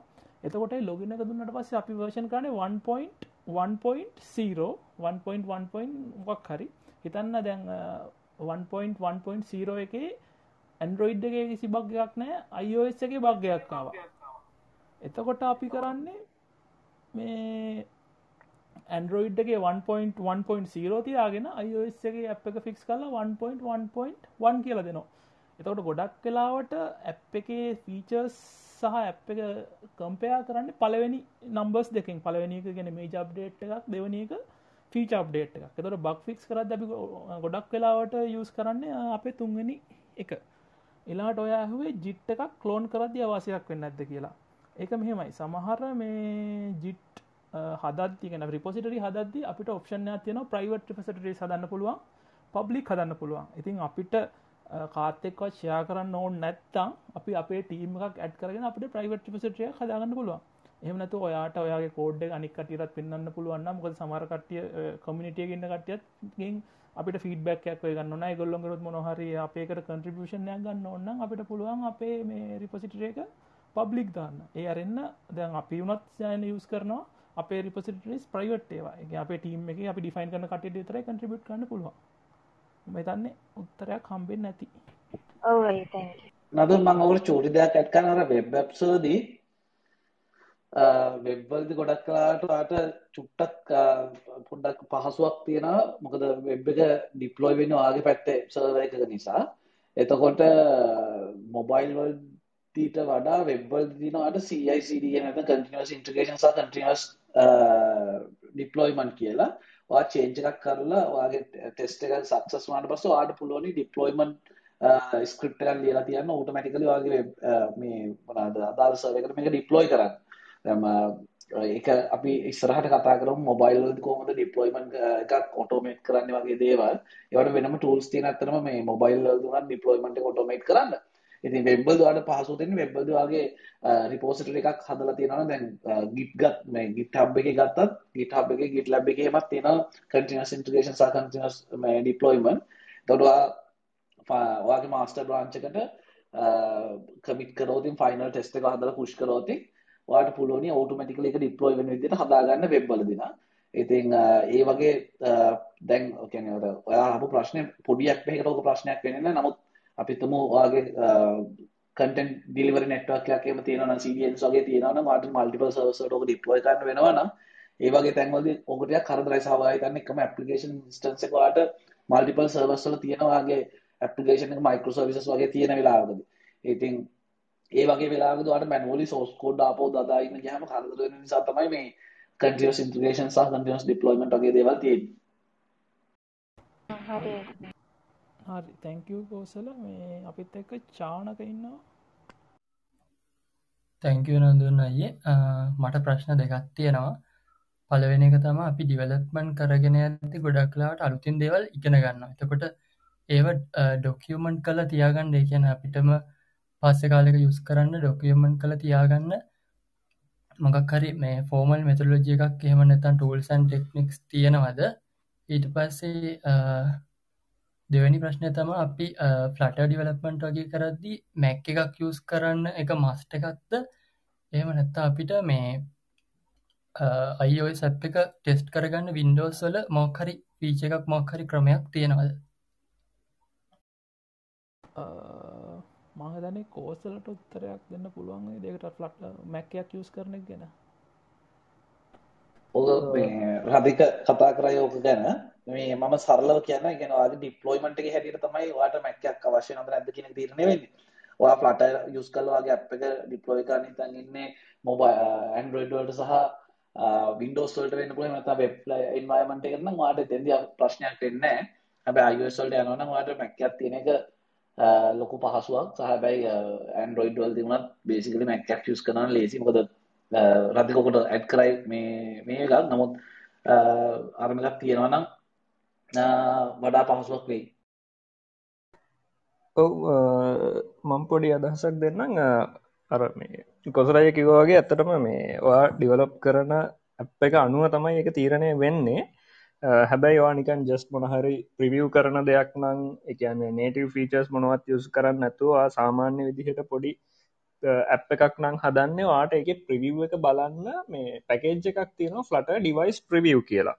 වාට ඒ පැකේජ් එක ඉන්ස්ටෝල් කරගෙන වාට පුළුවන් මේ iPhone ඩිවයිසස් මාරු කර ඇන්ඩරෝයිඩ් ඩලත් වාට ඩිවයිස් සෙට් එකක් දෙනවා එක වාට පුළුවන් ඒ කැමති ඩිවයිස් එකක් සිලෙක්ට් කරලා ඒක රන්වෙන්න කොහොමද කියලා බලන්න.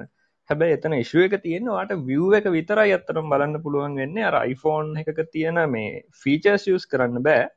හැබැයි iPhone X එක කොහොමද මේක පේන්නේ? iPhone 6 එක කොහොමද මේක පේන්නේ? කියන ඒ ඒවාට UI එක පාට්ට හදාගන්න වැඩේ එතනින් කරගන්න පුළුවන්. හැබැයි ඩිප්ලොයිමන්ට එකට වාට මැක්ක එකට යන්න වෙයි ගොඩක් දුරට. මේ වාට ටෙස්ටිං කරගන්න අර විව් එක බලාගන්න වැඩට එක පාවිච්චි කරගන්න පුළුවන්. චානක අපි පලෙන් ප්‍රශ්නමකක්ද මතකන ඒම පලවෙන්ට එහ අපි දැම් මොන හරි ගොඩක් දෙවල් ඉගෙනගෙන කරනවාන සමහරලාට එතකොට කොමදව ඩොකියමන්් කරලා තියාගන්න කියලා.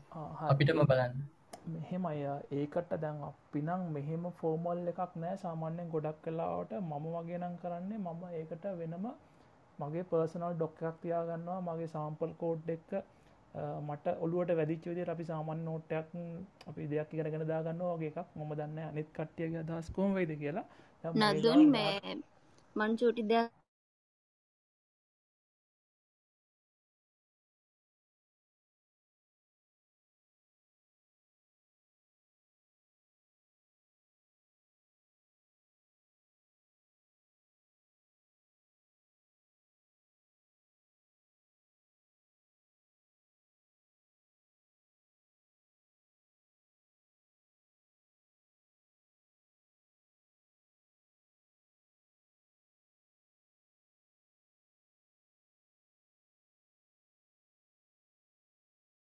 කරන්න ඒවා තියෙන ෆීචර්ස් මොනවද සෙට්ස් මොනවද ඒ වගේ වෙන වෙනම කඩලා තියාගෙන ඉන්නවා.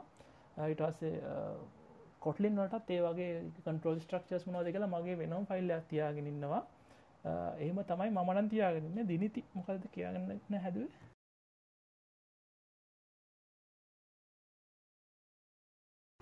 දිනිති. නද කියපුක ඇතර මැහුන් නැත දන්න මේ මම කිය අරෙ මම මේ කරන දේ තමයි මම මේ බ්ලොග් එකක් මේන්ටෙන් කරගෙන ආවා කලින් දැනට මේ ළඟකදී නම් ඇත්තට මොක මේ මට මේන්ටෙන් කරන්න බැරි වුණා. මම අලුතෙන් ඉගෙන ගන්න දේවල් මටම ආපහු රෙෆර් කරගන්න මම මේ මගේ බ්ලොග් එකට තමයි ඒ ටික දාගෙන ආවේ ඇත්තටම. ඒක මේ මට සෑහෙන වටින දෙයක් වුණා. පස්සේ මට මොන හරි ඒ කියන්නේ ඇත්තටම ওই දේවල් අමතක වෙනවනේ අපිටත් ඒ වෙලාවට අපි වැඩ කරාට ටිකක් වෙලා යද්දි අපිට ඕක අමතක ටිකක් කාලයක් යද්දි අපිට අමතක වෙනවනේ අපි ඉගෙන ගත්ත දේවල් මොනද එතකොට අර වගේ දෙයක් තියෙනකොට ඇත්තටම රෙෆර් කරගන්න මාර ලේසියි මම හිතන්නේ මමත් ඕකට චූටි දෙයක් ඇඩ් කරන්න නදුන් මම සාමාන්‍යයෙන් කරන්නේ අර දිනදිග වගේ මමත් මේ බ්ලොග් එකක් ලියනවා. ළඟ ළඟදී නම් මේව කරන්න ඕනේ අප්ඩේට් කරේ නැහැ. බ්ලොග් එකක් ලියනවා. ඊට අමතරව මම මේ කරන්නේ එක ප්‍රජෙක්් ෆයිල්ලක් හදා මගේ වෙනම එක ප්‍රජෙක්්ට ගත් තියෙන ඒ ප්‍රජෙක්් එකේ මම ගොඩා කලාට කරන්නේ ඒ ප්‍රජෙක්් එක අලුතෙන් අප්ඩේට් කරන්න යනවා. මට අවශ්‍ය වෙන මොනහරි අපි තුමා අලුතෙන් මම මොනහරි දෙයක් ඉගෙන ගත්තොත් මොනහරි කරොත් මම මේ සේම් ප්‍රජෙක්ට් එකේම සෙක්ෂන්ස් කඩලා ඒක අප්ඩේට් කරගෙන යන වෙලක තමයි මමත් කරන එක්ස්ටෙන්ෂන්ස් ලියා ගන්න වෙනම එක්ස්ටෙන්ෂන්ස් ලියාගෙන තියාගෙන. එතකොට මොන හරි වෙලාවක මට අප ගෝ මේ ඒකෙන් ගන්න උනොත් මම මේ ප්‍රොජෙක්ට් එක ඕපන් කරාම ඒකේ මම වෙනම රීඩ්මි එකක් ලියලා තියන් ඉන්නවා. ලින්ක් කරලා. එතකොට අවශ්‍ය කොටසට ගිහිල්ලා ටක් ඕන වෙලාවක පික් කරගන්න පුළුවන් විදිහට ඉතින් එක ප්‍රොජෙක්ට් එකක් ලියලා තියන් ඉන්නේ. ඒක ඕන වෙලාවක ඇක්සස් කරන්න පුළුවන් විදිහට. ඉතින් ඒක එක්කෙනාගේ ක්‍රමය වෙනස් මම අධිකර මොන හරි අයිඩියා තියනවද? ඔව් මමත් කියන්න හැදේ ද මමත් ගොඩක් කලාවට කරන්න මොනහරි අපි හිතම නිකන් ලයිව් සර්ච් එකක් කොහොමද ඉම්පලිමෙන්ට් කරන්න කියලා වගේ උදාහරණකට ගත්තොත් මම කරන්නේ ඒ ටෙක්නොලජිස්ටික පාවිච්චි කරලා මංගා ෆෝල්ඩර එකක් තියෙනවා ටෙස්ටිම් ප්‍රජෙක්් වගේ එක ඕකට මම දාගන්නවා ඒ ප්‍රෙක්ක ටෙස් කරන ප්‍රෙක්ට ෝක හදනවා. හදල ම එක ෆෝල්ඩනම එක දාලා තියාගෙනන්න මෙන්න මේකයි කියලා. යගේම රිඩ්මියගෙත් ම පොඩි විස්තරයක් දාගෙන තියෙන මෙන්න මේ ප්‍රජෙක්්ගේ තියෙන මෙන්න මේක කියලා. ඉති එතුට මට අප ඕන වුනොත් මට පුළුවන් ඒ සෙක්ෂන් එක විතරක් බලලා එක පාවිච්චි කරගෙන යන්න. කෙන ලංවේජස්සම මාරුවෙද්දි ඒ ඒවට වෙන වෙනම ප්‍රජෙක්ස් තියෙනවා. ටිකක් කරගෙන අදයෝක පැමිලි වුණට පස්ස ඇත්තන අපිට පුළුවන් වෙනවා කලින් ප්‍රජෙක්් එකින් උනත් ගන්න. හැබැයි අර ලොකු සීන් එකක් නම් ඒක වෙනම ප්‍රජෙක්්ටක් විදිහට තියාගෙන ඉන්න මොකද අපිට පක්ගාලක රන් කල්ල බලලා අයිඩිය එකක් ගන්න පුළුවන් නිසා.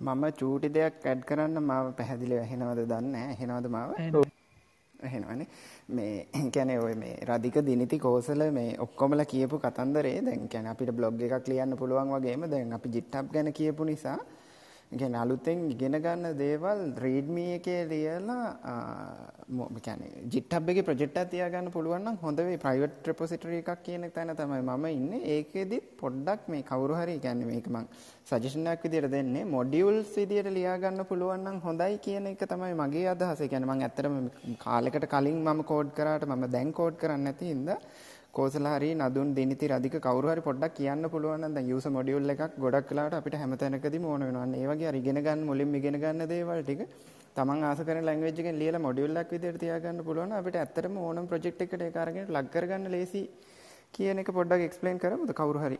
ඔව් ඒක තමයි මසංගේ මම කිව්වේ අර මම කරන්නේ සමහර එක ප්‍රොජෙක්ට් එකක් තියන් ඉන්නවා. ඒක තමයි ඔය ටික ඔක්කොම මොඩියුල් කරලා තියන් ඉන්නේ. එතකොට ඒකේ මම වෙනම සෙක්ෂන්ස් කරලා ලින්ක් කරලා තියන් ඉන්නේ. එතකොට දැන් iOS වල එක workspace එකක් අත්‍යවශ්‍ය වුණොත් මට multiple workspace තියාගන්න separate project එකක් වුණොත් ඒ කියන්නේ totally different content මම දැන් සමහරවිට AR ML ඊට පස්සේ ඒ මොනවාද visions වගේ දේවල් පාවිච්චි කරනවා මම එක workspace එක තියාගෙන ඊට අමතරව general day to day use කරන්න අවශ්‍ය වෙන සමහර code blocks මම වෙනම project එක තියාගෙන ඉන්නේ. ඉතින් ඔය workspace දෙක මම private repository එක දාලා තියාගෙන ඒකට අවශ්‍ය වුණාම මම ඒ ෆයිල් ස්ට්‍රක්චර් එක වෙනම හදාගෙන දෙනවා. ෆයිල් ස්ට්‍රක්චර් එක මගේ readme එකේ link කරලා තියෙන්නේ. සහ ටයිටල් එක සහ මට තේරෙන විදිහට description එක දෙකම දාගෙන. එතකොට දැන් උදාහරණයක් හිතන්න සමහර වෙලාවට අපිට වැඩ කරද්දි වෙනවා. දැන් network calls නම් සෑහෙන common. නමුත් ඒක ගැන නතුන් කතා කරන්නේ network calls ගැන mobile apps වලදී කොහොමද network calls වැඩ කරන්න ඕනේ කියලා. ඊට අමතරව අපි තුමු සමහරවිට මට JSON එකක් සේව් කරලා තියාගන්න වෙන JSON ෆයිල් එකක් විදිහට මොන හරි රැපිඩ්ලි යූස් වෙන දේවල් ටික මම එකක තියන් ඉන්න එක්ස්ටෙන්ෂන්ස් ටිකක් වෙනම දාලා.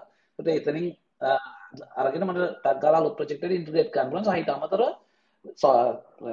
ස්විෆ්ට් වර්ෂන් එක මාරු වෙනවා නම් ගොඩක් වෙලාවට මම iOS පැත්තේ ඉන්නේ. ස්විෆ්ට් වර්ෂන් එක මාරු වෙනවට වෙනවා නම් එහෙම මම කරන්නේ ඒකේ අලුත් බ්‍රාන්ච් එකක් හදලා ඒකේ වර්ෂන් එක අප්ග්‍රේඩ් කරලා තියාගෙන මොකද ස්විෆ්ට් ලැන්ග්වේජ් එක මාරු වෙනවා මම කරන්නේ මාස්ටර් බ්‍රාන්ච් එකෙන් තව රිපෝ එකක් අරගෙන ඒක අප්ඩේට් කරලා තියන් ඉන්නවා. ඒකේ දාලා තියෙන දැන් ඔයගේ සින්ටැක්ස් වල මොන හරි වෙනසක් වුණාම ඒ දේවල් මෙහෙමයි කියලා.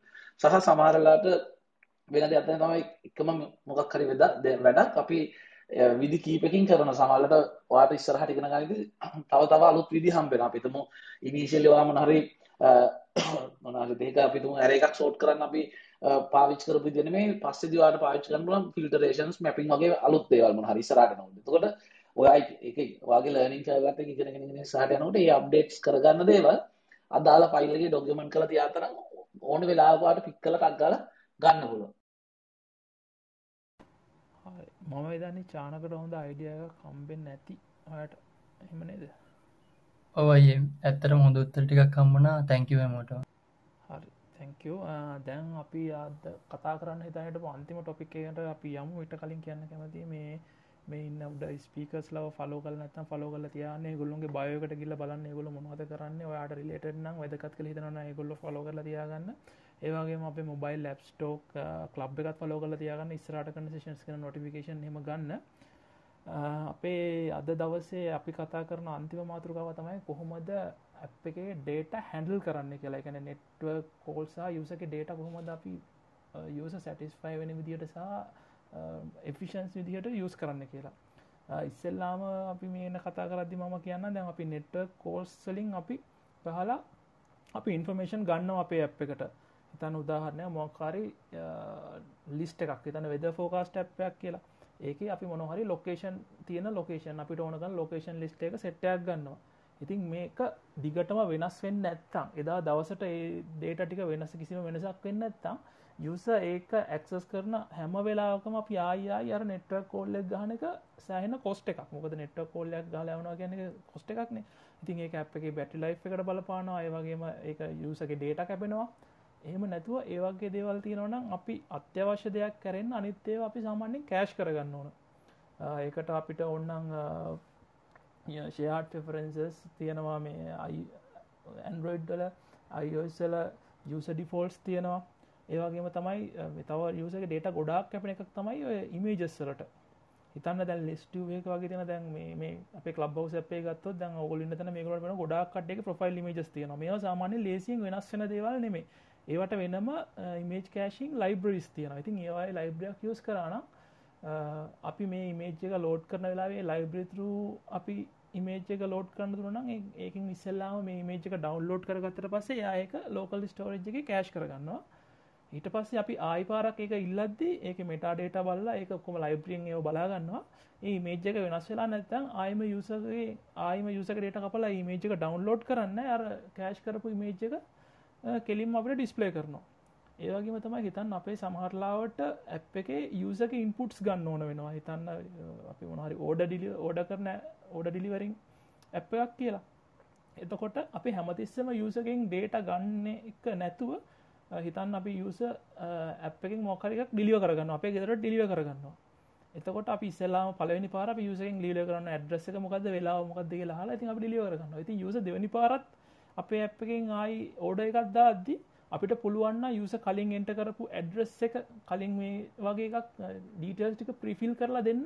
එක යුසට මාර පහසුවක්. මොකත ආයි කොන ගෙදල ටයිප් කරන්න ඕන්න ඉතින් ඒවාගේ පොඩි පොඩි දේවල් ගැන්න සැලකොනම් අර යුසක පැත්තනුත් පොඩ්ඩක් හොඳයි. තව මංහිතන්න මේක ටැට් කරන දේවල් කෝසලට ඇති. ඕන දුන්නා එකැන මේ නෙට්වක් පැත්ත කතා කරොතින් විශේෂෙන් iOS පරණ වර්ෂන්ස් වලදී iOS වලදී එමනම් වාට ඔප්ෂන්ස් තිබ ඔප්ෂන්ස් තිබ මේ වගේ සිගනල් බායික් ගා පොඩි එතන අපි කියන්නේ මේ මේ ලෝඩ එකක් පෙන්නවා නෙට්වර්ක් කෝල්ස් මොනහරි වෙනවන අපි දැකලා තියෙනවා මේ ගොඩක් ඇප්ලිකේෂන්ස් වලදී හැම වෙලේම අපිටම ලෝඩ් වෙනවා නම් ටේබල් විව් එකක් වුණා වගේ ලිස්ට් එකක් වුණත් හැම වෙලේම ඉමේජස් සර්වර් එක මේ පැත්තෙන් රික්වෙස්ට් කරන්න ගත්තොත් වාඩි ස්ක්‍රෝල් කරද්දී තේරෙනවා මේ පොඩි ග්ලිච්ච එකක් කියන්නේ ස්මූත් නැහැ ස්ක්‍රෝලින් ස්මූත් ස්ක්‍රෝලින් නැති වගේ දේවල්. ඉතින් පුළුවන් තරම් try කරන්න network calls අවම කරගන්න අට තියෙන්නේ අපි තුමු හෝම් ස්ක්‍රීන් එක හැම වෙලේම Uh, තියෙන්නේ uh, e- එක ජාතික කොන්ටෙන්ට් නම් ඒක uh, රික්වෙස්ට් කරන්න එපා. ඊට අමතරව දැන් එහෙමයි කියලා දැන් ඔෆ්ලයින් ඇප් එකක් කරන්න කියලා නෙමෙයි කියන්නේ. data අවශ්‍ය තැන් වලදී රික්වෙස්ට් කරන්න සමහරකට අපි දැකලා තියෙනවා මේ data flow එක ඇත්තෙම application එක ඇතුලේ හරියටම නැති නිසා වගේ ආර්කිටෙක්චර් හරියට setup කරන්නේ නැත්නම්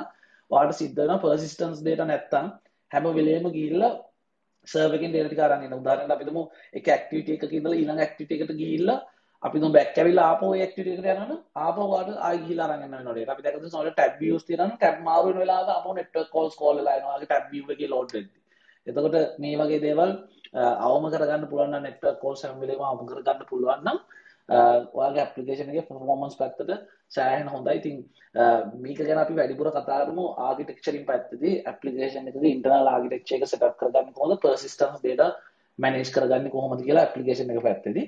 ඉතින් එහෙම තමයි නමුත් network පැත්තේ දේවල් ටික හැන්ඩල් කරන්න වෙන්නේ අපිට. ඒ ටික තමයි අද අපිට කතා කරන්න ප්ලෑන් කරන්න හිටියේ. තව කාටාරි ප්‍රශ්න තියෙනවනම් අදහස්තක් කන්න පුළුවන් ඇවිල්ල කතා කරන්න. චාන්සක තියෙනවා එන්න. ඒවාගේම තමයි ආය මතක් කරන්න ඉන්න ඇතර ස්පිකස්ල විතරක් නෙවේ ෆලෝඩ් බයි ස්පික සක්ෂණ එකසා මේ රූමගෙන හැමෝගම පුළුවන් බයසල්ල ගිල්ල බලන්න. ගොල්ල වැදගත්න ගොල්ලොන්ගේ බයසල තියෙන ගොල්ලොන්ට ලේටන ගොල්ලොම ෆලෝ කල තියාගන්න. ලබ් එක ෆලෝ කල තියාගන්න. අපි තාව පොඩ්ඩක් කලා බලමු කාටරි ප්‍රශ්නයක් තියෙනවාද අදහසක් දක්වන්න තිගෙනවාද කියලා. එහෙම නැත්තං අපි සේෂන් එක අදට වයින්ඩක් කරමු.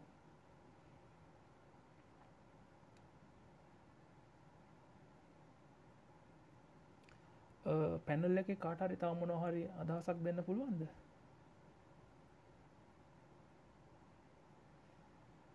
ඒවගේ මං ආබුඩම් මතක් කරන කැමති මේ අපේ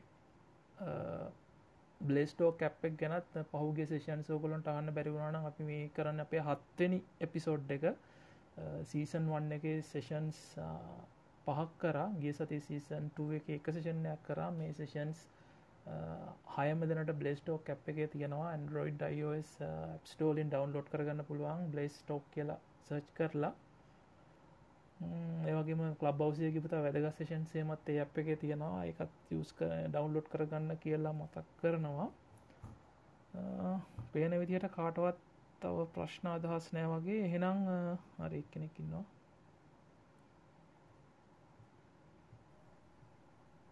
හරි අපිත් එක චානක තුළ හැලෝ නදුනයි මේ මන් දැනගට කැමති මේ අපේ අර වර්ෂන් කොන්ටෝලිං වලදී සාමාන්‍ය අපේ ප්‍රජෙට් එකක් ඉනිශලයිස් කරනකොට ඒක මේ හරිම විදික් තිනව සාමාන්‍ය බ්‍රාංචස් ඩිවයිට් කරන. එකන්නේ බ්‍රාංචස් ඩිවයිට් කරන මොනවාද බෙස් බෙස් පක්ටිසස් මොනහරි ඒවගේ මොනහරි තියෙනවා පොඩ්ඩ දැනගන්නට කැමති ඒකටත් තර කලියලි ඩිෆයින් රෝල්ල එකක් නෑ. අපි යස් කරන කන්වෙන්ශන්ස් තමයි තියෙන සාමාන්‍යයෙන් අපි ස්ටේබල්ම වර්ෂන් එකක් තියාගන්න අපි යස් කරනවා මාස්ට බ්‍රාංච් එක. ඊට පස්සේ අපි මොකක් අපේ ඩිවලපමන් කරගන්න මාස්ට බ්‍රාංචකින් අපි බ්‍රාංචයක් කඩාගන්නවා ඩිවලපමන් බ්‍රාංචක කියලා. මේ ඩිවලපමන් බ්‍රාංචකින් තමයි ඊට පස්සේ කට්ටිය එක ෆීචර් සිම්පලිමන්් කරද්දි ෆීච බ්‍රාංචස් විදිහට කඩාගන්න ගැන ඩිවලපන් හිතන්න දැන් අප මස්ට බ්‍රාංචක ගොඩක් කලාවට ස්ටේබල් වශන තියෙන හිතන්න අපි දැන් පලවෙනි ඇප් එක දාලා ඉවරයි කියලා. 1.0 කියන එක අප දාල වර එක මස්ට ප්‍රාංචක තියන මස්ට ප්‍රාංචක සාමාන්‍ය කමිට කරන කම්පලිට ටප් සිතරගෙන එන්න ස්ටේබල් වර්ෂන් සිතරයි ඒක තියෙනවා. ඊට පස දැන් අපි ඊළඟ වර්ෂන් එකට කරන්න අපි ඩියවලප් කරන්න යන්න යනවා අලුත් ෆීච එකක්. එතවට අපි කරන්නේ ඩිවලප්මන් බ්‍රාංචක ඩිවලපන් බ්‍රාංච එකක් ගන්නවා මාස්ට බ්‍රාංචකෙන් ඇතන කරන එක පලනි පාර විතරය කරන්නේ. ඒ ඩිවලපන් බ්‍රාංචකෙන් තමයි අපිට ෆීච බ්‍රාංචස් කඩාගන්න. ඉට වස හිතන්න අපි දැ ලොගින්නයක් වගේ දෙනවා කියලා ඉටසේ ෆීච බ්‍රාංචය කදාගන්නවා ෆීච ලොගින් කියලා. ඉට පස්සේ ලොගින්න කරලා උරනාට පස්සේ අපි කරන්නේ ඒ ඒ ෆීච බ්‍රාංචක අපේ ඩිවලපන් බ්‍රාංචකට පුල් රික්කස්ට අත්දාලා මර්ච් කරනවා. ඉටස්සේ මේ එක ෆීචකන්න මේ වගේ ෆීචස් ගොඩක් හතර බාක තුරට පස්සේ ඔක්කොම ෆීචර්ස් දැන් ඩියවලපමන් බ්‍රාංච එක තියෙනවා.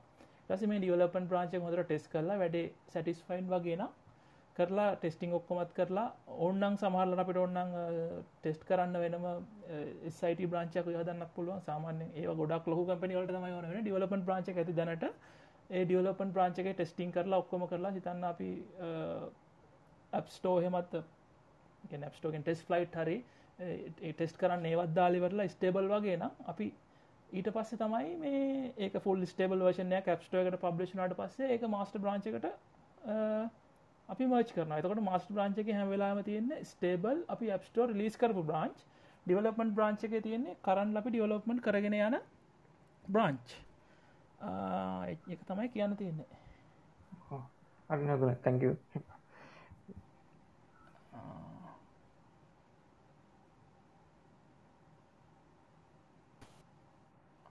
හරි. ඊළඟට මොනහරි කියන්න දෙනවාද අයි ඔවු නදුන් අපි චුට්ටක් මේ ඊළඟ ෆ්ලෝ එක යන විදිහ ගැනත් මේ පොඩි සඳහනක් කරමුද හරි. අපි දැන් මෙසිෂන් 2 එක ඊළඟ එක අපි සාමාන් අපි කරන්න හිතන්ගන්න කොහොමද ඇප් එකක් මොනිටයිස් කරන්න? හදන ඇප් එකෙන් සල්ලි හන්න කොමති තම අපි පැපි දැනට ප්ලෑන් කරන්න ඉන්න. තාම අපි එහෙම නේදයි ඔවු දැන් එකන ගොඩක් කලාට අපි දෙපැත්තම ගැන කතා කරන්නේ ප්‍රොජෙක්ස් ප්‍රඩක්ස් දෙකම ගැන. ඉතින් අපි ප්‍රොජෙක්් එකක් පර්ස්පෙක්ටව නැතුව පොඩ ප්‍රොඩක්් එකක් පැත්තට ගිහිල්ලා මේ ඕගොල්ලො ඇප් එකක් මොනටයිස් කරනවන ගැන ගොඩක්කටිය නොදන්න මේ ඇඩ්නෙට්වර්ක්ස් තියෙන ගැන ගොඩක් කලාට ඔලුවට එන්නේ ඇඩ්මොබ් ගැනේ මේ ඇන්ඩ මේ ඇප්ස් කියලකිවත් ඇඩ්මොබ් ගැන ඊට අමතරව තියෙන ඇඩ්නෙට්වර්ක්ස් මොනවද? ඒ වගේ සමහරලාට වැඩිපුර ගෙවනයව තියෙන එතකොටද ඇප් එකක් මොනටයිස් කරන්න ඔයගොල්ලන්ට ඇඩ් දාලා විතරද පුළුවන් නෑ ඇත්තටම එහෙම නෙවෙයි. ඒ කියන්නේ අපිට සබ්ස්ක්‍රිප්ෂන් බේසිස් මොඩල් එකක් හදන්න පුළුවන්. එහෙම නැත්නම් අපිට ඇත්තටම පේඩ් ඇප්ස් හදන්න පුළුවන්. මේ මේ වගේ මොනටයිසේෂන් මෙතඩ්ස් ගොඩක් තියෙනවා. ඒ කියන්නේ තව විදි තියෙනවා. අපි ඒ ටික ගැන ඔක්කොම ගැන කතා කරමු නේද? ලබන සතියේ වගේ අපි මේ ටික ගැන පොඩි ඉන්ට්‍රොඩක්ෂන් එකක් දීලා මේ ඉස්සරහට එක්කන් යන් අපේ කට්ටියව නේද කියන්නේ මේ දැන් අපි ඇත්තටම සෙෂන්ස් 8ක් විතර 7ක් මං හිතන්නේ මේ වෙද්දි කරලා තියෙන. يعني සති 7ක් ඇත්තටම අපි මාස දෙකකට කිට්ටු කාලයක් මේ ඩීටේල්ස් ටික කතා කරගෙන එනවා සෙනසුරාදා උදේ 10ට. ඉතින් ඕක තමයි අපි ඊළඟ සතියට ප්ලෑන් කරන් ඉන්නේ. ඉතින් මෙතන ඉන්න මේ කට්ටියට තියෙන නොලෙජ් එකත් එක්ක අපි දන්න දේවල් එක්ක අපි කතා කරන්නම්. ඕගොල්ලෝ දන්න දේවල් මොනවා හරි තියෙනවා නම් අනිවාර්යෙන් එන්න උඩට කියලා මේ කතා කරනවා. මොකද මට පේනවා followed by the speakers එකේ mobile application එකක්ම ඉන්නවා. ඉතින් over to you නදුන් මට මේ පොඩි call එකක් එනවා මේ session එකට ආව හැමෝටම thank කරන ගමන් මම නවතිනවා. thank you. හරි තැංක ෝෂන්ගයි මේ අප කිව විදියට අපි ඉස්සරට ඒව ගැන කතා කරන්න අපි ඉගැන මේකන අර කෝස් ටයිප් එකේ නෙමේ අපි ෆෙනමාර ෆුල් ෝවිව කතමයි දුන්න අපි පල නිසිෂන්සලට වන ඔලට බලන්න ල දෙවනිසිෂන් එක අප එකක් සටප් කරගන්න හැට බොන්න හොම එන්නම බ්‍රීෆ්ලි කිව්වා. මොකද අපි එකින් එකට ඉන් ඩීටේල් කියන්නේ නැහැ. මෙහෙමයි view එකක් හදන්නේ මෙහෙමයි ඇක්ටිවිටි එකක් හදන්නේ මෙහෙමයි. එතකොට එතකොට නිකන් මේක නිකන් අර කෝස් එකක් ටයිප් වෙනවා. ඉතින් ඕගොල්ලෝ මේවා තනියම ඉගෙන ගන්න. මොකද එහෙම වුණාම තමයි ඕගොල්ලන්ට ඉස්සරහට පුළුවන් වෙන්නේ අලුතෙන් දෙයක් කාගේවත් හෙල්ප් එකක් නැතුව කරගන්න. අපිත් බලාපොරොත්තු එක තමයි හැමදේම ඇඟිල්ලෙන් එන එන හර මෙහෙම කරන්න මෙහෙම කරන්න කිය ගයිඩ් කරන්නේ අපි අර යන ට්‍රැක් එකකට වගේ දානවා. ඉතින් එහාට තනියම වැඩ කරගෙන යන එක ඕගොල්ලොන්ගේ වක්කීමක් එතකොට තමයි සාමාන්‍යයෙන් ඔගොල්ලොන්ටම දෙයක් පස්සේ තනියම තනියම ඇගටින්න පුළුවන් වෙන්න. එක තමයි අපෙත් බලාපොරොත්තුව. කට්ටිය කවුරුත් නැත්තං අපි අදට සිෂන් එක වයිඩප් කරමු. පැය එකයි විනාඩි විසි පහක් විතර අපි කතා වුණා. එහෙනම් දිනිති රදික චරිත් කෝසල මදුශංක හැමෝටම බොහොම ස්තුතියි. අපේ සේෂන් එකට සහභාගී වුණාට ඔයගොල්ලෝගේ වටිනා කාලය වැය කරගෙන ඒ වගේම followed by the speaker uh, section එකේ ඉන්න කට්ටිය සහ others in the room section එකේ ඉන්න ඔයගොල්ලන්ටත් බොහොම ස්තුතියි. අපිත් එක්ක මේ සෙෂන් එකේ රැඳිලා හිටියට ඔයගොල්ලෝගේ වෙලාව කැප කරගෙන හිතනවා ඔයගොල්ලෝ දෙයක් ඉගෙන ගන්න නැති කියලා. ඉස්සරහටත් අපිත් එක්ක රැඳී ඉන්න මේ විදිහටම අපි ඉස්සරහටත් වැදගත් දේවල් කතා කරන්නම්. Uh, අපි හොඳ ගමනක් යන් ඔයගොල්ලන්ට අපි කියලා දෙන ඒවා ඔයගොල්ලෝ කරලා බලන්න. කරලා බලලා ඔයගොල්ලෝ කරද්දී එන ප්‍රශ්න අපෙන් අහන්න. අපේ ඉන්ස්ට අපේ බයෝවල ලින්ක් කරලා තියෙන Instagram එකට මැසේජ් එකක් දාලා හරි මේකේ බෑක්ලින්ක් එකකින් හරි මැසේජ් එකක් දාලා හරි කොහොම හරි ඔයගොල්ලන්ට තියෙන ප්‍රශ්න අපෙන් අහන්න අපි දන්න විදිහට අපි හැමෝම අපි දන්න දේවල් කියලා දෙන්නම්. එහෙනම් අදට අපි සෙෂන් එක වයින්ඩ් අප් කරපු හැමෝටම බොහොම ස්තුතියි. සුබ සතියන්තයක්.